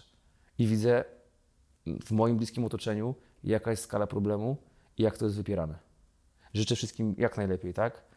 Yy, ale niestety obserwując to, co się dzieje, nawet sytuację kurwa polityczno-gospodarczą w Polsce, kolejna podwyżka stóp procentowych, ludzie, raty kredytu idą u niektórych przypadkach 100% do góry. Na, naprawdę zaczną się kurwa dramaty. I to niestety jest, nie chcę być złą wróżbitą, ale yy, czarno to widzę, nie? Czarno to widzę. Dlatego nie wiem, nawet nie wiem jak to podsumować. Idą coraz gorsze czasy dla naszej głowy Tak, tak, tak, tak. szukajcie tych prostych narzędzi, a też o czym powiedziałem, o medytacji. Tak, zacząłem medytować. Nawet słuchajcie, wbrew wszelkiej logice, noszę y, na sobie malę tybetańską, gdzie ja człowiek zawsze, wiesz, nauka ponad wszystko, noszę jakieś talizmany. Kurwa, może on spowoduje, że nie wejdę do żabki któregoś dnia nie będę chciał kupić 0,2 y, wiśnióweczki, nie? Y, ale to też zawdzięczam mojej zawodniczce, która medytuje od, od wielu lat i widzę, jaką jest super osobą pozytywną, y, która też miała swoje problemy. I, I ta medytacja, jestem na, można powiedzieć, raczkującym, medytującym, ale miałem taki dzień na przykład, że miałem fatalny nastrój psychiczny. Yy, Po prostu wracałem z Warszawy samochodem i po prostu czułem się na jak najgo... Na to się kilka rzeczy złożyło. I mówię, kurde, wieczorem jest ta medytacja, nie? Jadę koniecznie dzisiaj. Dlatego jeszcze muszę dojechać na tą medytację kilkanaście Ale kilometrów. medytacja to jest co, że robisz to w grupie, czy... Wiesz co, ja akurat chodzę na grupową medytację, żeby do takiego właśnie gdańskiego ośrodka buddyzmu, żeby yy, poznać całą tą, cały ten proces, nauczyć się od tych yy, ludzi, którzy mają w tym doświadczenie, żeby zacząć to trochę rozumieć, trochę o tym poczytałem i nawet na początek wystarczy usiąść sobie rano i 5 minut zrobić sobie prostych, siedzieć, myśleć o wszystkim i o niczym naraz, skupić się na oddechu, na takim po prostu wyciszeniu, słuchajcie. I nawet Prosta medytacja. tak, najprostsze na świecie. o oddechu, o... Tak. Zrób sobie, nie wiem, policz sobie do 125 oddechów. Na początek nawet sobie usiąść, pooddychać te kilka minut w spokoju, w ciszy. Nawet sobie puścić jakąś muzykę medytac- medytacyjną, relaksującą, jest tego pełno w mediach. Są poradniki, jak zacząć. Wszystko jest, słuchajcie, za darmo w internecie. Natomiast y, też trafiłem na taką publikację, gdzie pokazali właśnie, jak to wpływa, jak wpływa na mózg. Normalnie robili badania pod rezonansem magnetycznym, y, przepraszam, na tomografię y, i na rezonansie, gdzie mm, pokazywali, jak się zmienia, jak to pozytywnie wpływa na działalność poszczególnych obszarów naszego mózgu. Tak? Po prostu. I za tym stoi też nauka. Łapiemy się każdej metody, nawet najgłupszej. Jeżeli nam pomaga, róbmy to. Nikomu to krzywdy nie zrobi, tak? Zimna woda też pomaga. Zajebiście pomaga, tak? Zimna woda działa w ten sposób, że nasz organizm ma niesamowity wrzut hormonów szczęścia. I każdy, kto zaczyna morsować, wychodzi w takiej euforii, że sobie nie wyobrażasz. I też pamiętam jednego koleżkę, którego miałem, który właśnie też się z tą depresją mierzył i zaczął morsować. Mówi, kurde, Kuba, tam chodzę na terapię tyle lat, ale to morsowanie dopiero spowodowało, że ja, kurde, byłem uśmiechnięty, szczęśliwy, jako jeden z elementów, tak? Okej. Bo to nie jest, że morsowanie leczy depresję, tak? Ale masz To, co- wpływ, to jest, mam wrażenie, Tak. że to, co opowiadasz, mm, to jest trochę jak te cegiełki, które budują ten nasz Tak. zły stan zdrowia, zły stan samopoczucia. Tak. To dokładnie jest odwrotną stronę, że Absolutnie. Tak. te cegiełki, nie wiem, rower, bieganie, fajni ludzie, y, morsowanie, medytacja, to wszystko znowu buduje ten fundament, który powoduje to dobre samopoczucie Zgadza z tego, się. co mówisz. I te, i te Że dobre... nie ma jednej metody, która spowoduje Nie ma, nie ma, słuchajcie, no nie ma. To po prostu każdy case jest inny. Łapać się każdej możliwej metody, która w, może w, nam jakkolwiek pomóc, tak? przyczynić się Absolutnie. W detalu. Absolutnie. No, tak jak mówię, już po raz kolejny to powtórzę, tylko trzeba. Ja, ja miałem świadomość tego, że ze mną coraz gorzej. Tak jakby ta energia we mnie wymierała i Ale było też tak, o inaczej, a było też tak, że ludzie w Twoim otoczeniu widzieli i mówili, ty coś jesteś taki przygaszony? Czy zdarzało, właśnie, tak, zdarzało się. Zdarzało się. ale było Natomiast to ja też, wiesz, by, bywało to kiedyś wcześniej? Nie. Często jest też tak, że robisz dobrą minę do złej gry, nie? No właśnie, bo o to I chciałem to, jest. I to jest bardzo często i ja też tak robiłem wielokrotnie po prostu, że mówię, no nie będę ludziom, wiesz, ludzie nie po to oglądają to, co ja robię, żeby kurwa oglądać jakiegoś gościa, który jest smutny i jak po prostu nie powiem co, nie? Yy, więc yy, wiesz, wyjeżdżałem w góry, byłem nakręcony, tak jakby to jest moje środowisko, gdzieś tam ta energia wracała. Wracałem do, do domu i znowu trzy dni, kurwa, wiesz, dętka, nie? Więc to takie było, wiesz, to też jest falowe, nie? Nagle się pojawiają wokół ciebie bodźce, ludzie, którzy powodują, że jest fajnie, super, super. Nagle wracasz do szarej rzeczywist- rzeczywistości i znowu cię dojeżdża proza życia, nie? Więc to jest tak, wiesz, ups and downs po prostu, nie? Yy, więc, yy, no a częstokroć niestety ludzie yy, robią dobrą minę do złej gry i takich przypadków są miliony. I udają sami Tak. przed sobą i Tak. przed innymi, że Tak. jest okej, że tak, nie ma a ja problemu. po prostu wiedziałem, że takie udawanie to, to, nie, to nie skończy się dobrze, nie? Po prostu. Albo nie wiem, zachleję któregoś dnia pałę, zrobię coś głupiego, to nigdy nic nie wiadomo, nie? Dlatego no ja miałem ten komfort, że mi się już lampka paliła czerwona i wiedziałem, że kurde, trzeba się ogarnąć, niestety, nie? Nienawidzę tego słowa, zbrzydło mi, prawda. ale też tak było, nie? Ogarnij się. Tak często mówię kobieta ci mówi, ogar, we, weź się w końcu, kurwa, ogarnij. Zacznij ogarniać, kurwa. Zajebiście to, uwierzcie mi, zajebiście to nie pomaga. Nie motywuj. Nie. I to nie jest łatwe y, żyć z tym też z kimś takim, bo to jest też duże wyzwanie dla drugiej osoby, tak? Część to dźwiga, część tego nie dźwiga. Nie? Więc y, tak jak mówię, to jest kurde złożony, narastający problem i warto o tym mówić. Nie wstydzić się. Kuba, bardzo Ci dziękuję. Dziękuję za przyjazd. Cała przyjemność po mojej stronie, słuchaj, no kurczę, ja tak rzadko jestem w tych rejonach. Przejazdem jestem bardzo często, ale żeby, Tak. żebym się zatrzymał w Tychach, żeby nagrywać z tobą podcast, Słuchaj, kurde. ja myślę, że to nie jest przypadek, że do Ciebie napisałem. Nie jest to przypadek, że akurat Tak, jesteś na ale jak się zobacz, timing idealnie zgrał, nie? Wszystko się Też udało. nie jest przypadek, że Ty w ciągu 5 sekund odpisałeś, że Jacha. jestem chętny, tylko kiedy. Natomiast jednym e, plusem, że możemy zrobić to jakościowo, ale minusem jest to, że trzeba przyjechać na miejsce. Miałem wielu takich e, gości, którzy mówią, no ale nie mam czasu przyjechać, nie? A tutaj A, tam czas się zawsze znajdzie. tu się tak jakby zazębiło, że mega się cieszę, że nam się udało to zrobić. E, Cała przyjemność po mojej stronie. Myślę, że to Mam nadzieję, fajne. że też nie przynazałem, bo trochę pewne rzeczy się powtarzały.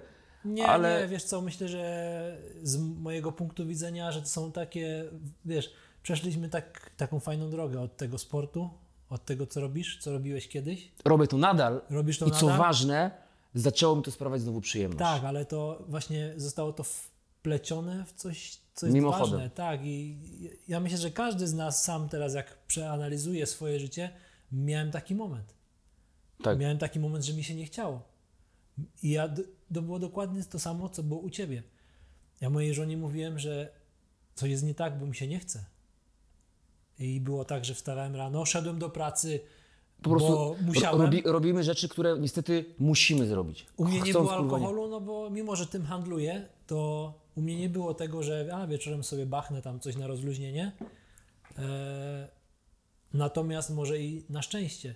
Ale był, Myślę, taki, że na pewno na szczęście. był taki moment, że mi się nie chciało. Nie chciało mi się iść do roboty, nie widzisz, chciało mi się wyciągać widzisz, roweru. to, że to, to twoje niechcenie od razu wpływa na sytuację w relacji między ludźmi, nie? Tak. Że ona zaczyna być wkurzona, bo to nie zrobione, to tam różne są historie, ale tak jakby, i- to już się palić lampka, tak? Szczególnie w Tak, takich... I, i u mnie to może nie, był, nie, nie było, że to był początek depresji, natomiast jeżeli Myśl- coś takiego mnie się pojawi w życiu, Są jeszcze tak kiedyś, to może być tak, że nie wiem, niewyspany, coś tam, coś tam, ale jak ci się nie chce trzeci tydzień, to znaczy, że coś jest chyba nie tak. Są tak zwane też epizody depresyjne, tak? To wiesz, są ludzie, którzy chronicznie chorują na depresję 20-30 lat się z tym tematem boksują, a są tacy, ja to bardziej traktuję jako długi epizod depresyjny. niż taką depresję, bo widzę, że jestem naprawdę na zajebistej drodze, żeby, że już jestem na dobrych torach, bardzo dobrych. Yy, jeszcze zamiatam parę brudów z, z bliskiej przeszłości, yy, ale jestem na bardzo dobrej drodze i to naprawdę zawdzięczam, słuchajcie, nawet także przyjechałem do Ali, do Jacka i też coachują mnie w pewien sposób, tak? Ja lubię, jestem, lubię się pewnymi rzeczami biczować po prostu, trochę się nad sobą pastwić, taka nie wiem, moja werterowska natura, ale właśnie ludzie, którzy z pozoru obcy mogą nam czasami naprawdę bardzo pomóc. Rozmową, takim trochę przekołczowaniem, zdopingowaniem, dodać tej energii i to naprawdę działa i to ja to naprawdę bardzo doceniam, nie? Że właśnie, kurczę, yy, że ludzie chcą, wiesz, całe życie ja pomagałem, mówię, kurde, może w końcu ktoś mi pomoże, nie? Tak, a to tak działa. Moim zdaniem tak działa. Zawsze że- powtarzam, Energia, dajesz dobrą energię, tak, tak. ona wraca. Jesteś chujem, to ci tak dojedzie. Tak, to Po jest, prostu. To jest, ja też to wierzę. No. Absolutnie wierzę w karmę. Jest to jedna też z nauk buddyzmu, nad którym się trochę pochylam pomału. Yy, I jako filozofii życia, bo to nie jest religia, też ludzie też o tym nie wiedzą, tylko jako filozofii. Yy, I tam jest naprawdę prostych rzeczy napisanych bardzo wiele. Jak sobie zadasz, zobaczyć, że naprawdę w, zawsze to mówię ludziom, w prostości siła, tak? Ludzie wymyślają. Tak. I to, i te proste rzeczy działają. I tego się trzeba trzymać. Kuba, mega, dzięki. Amen. Super.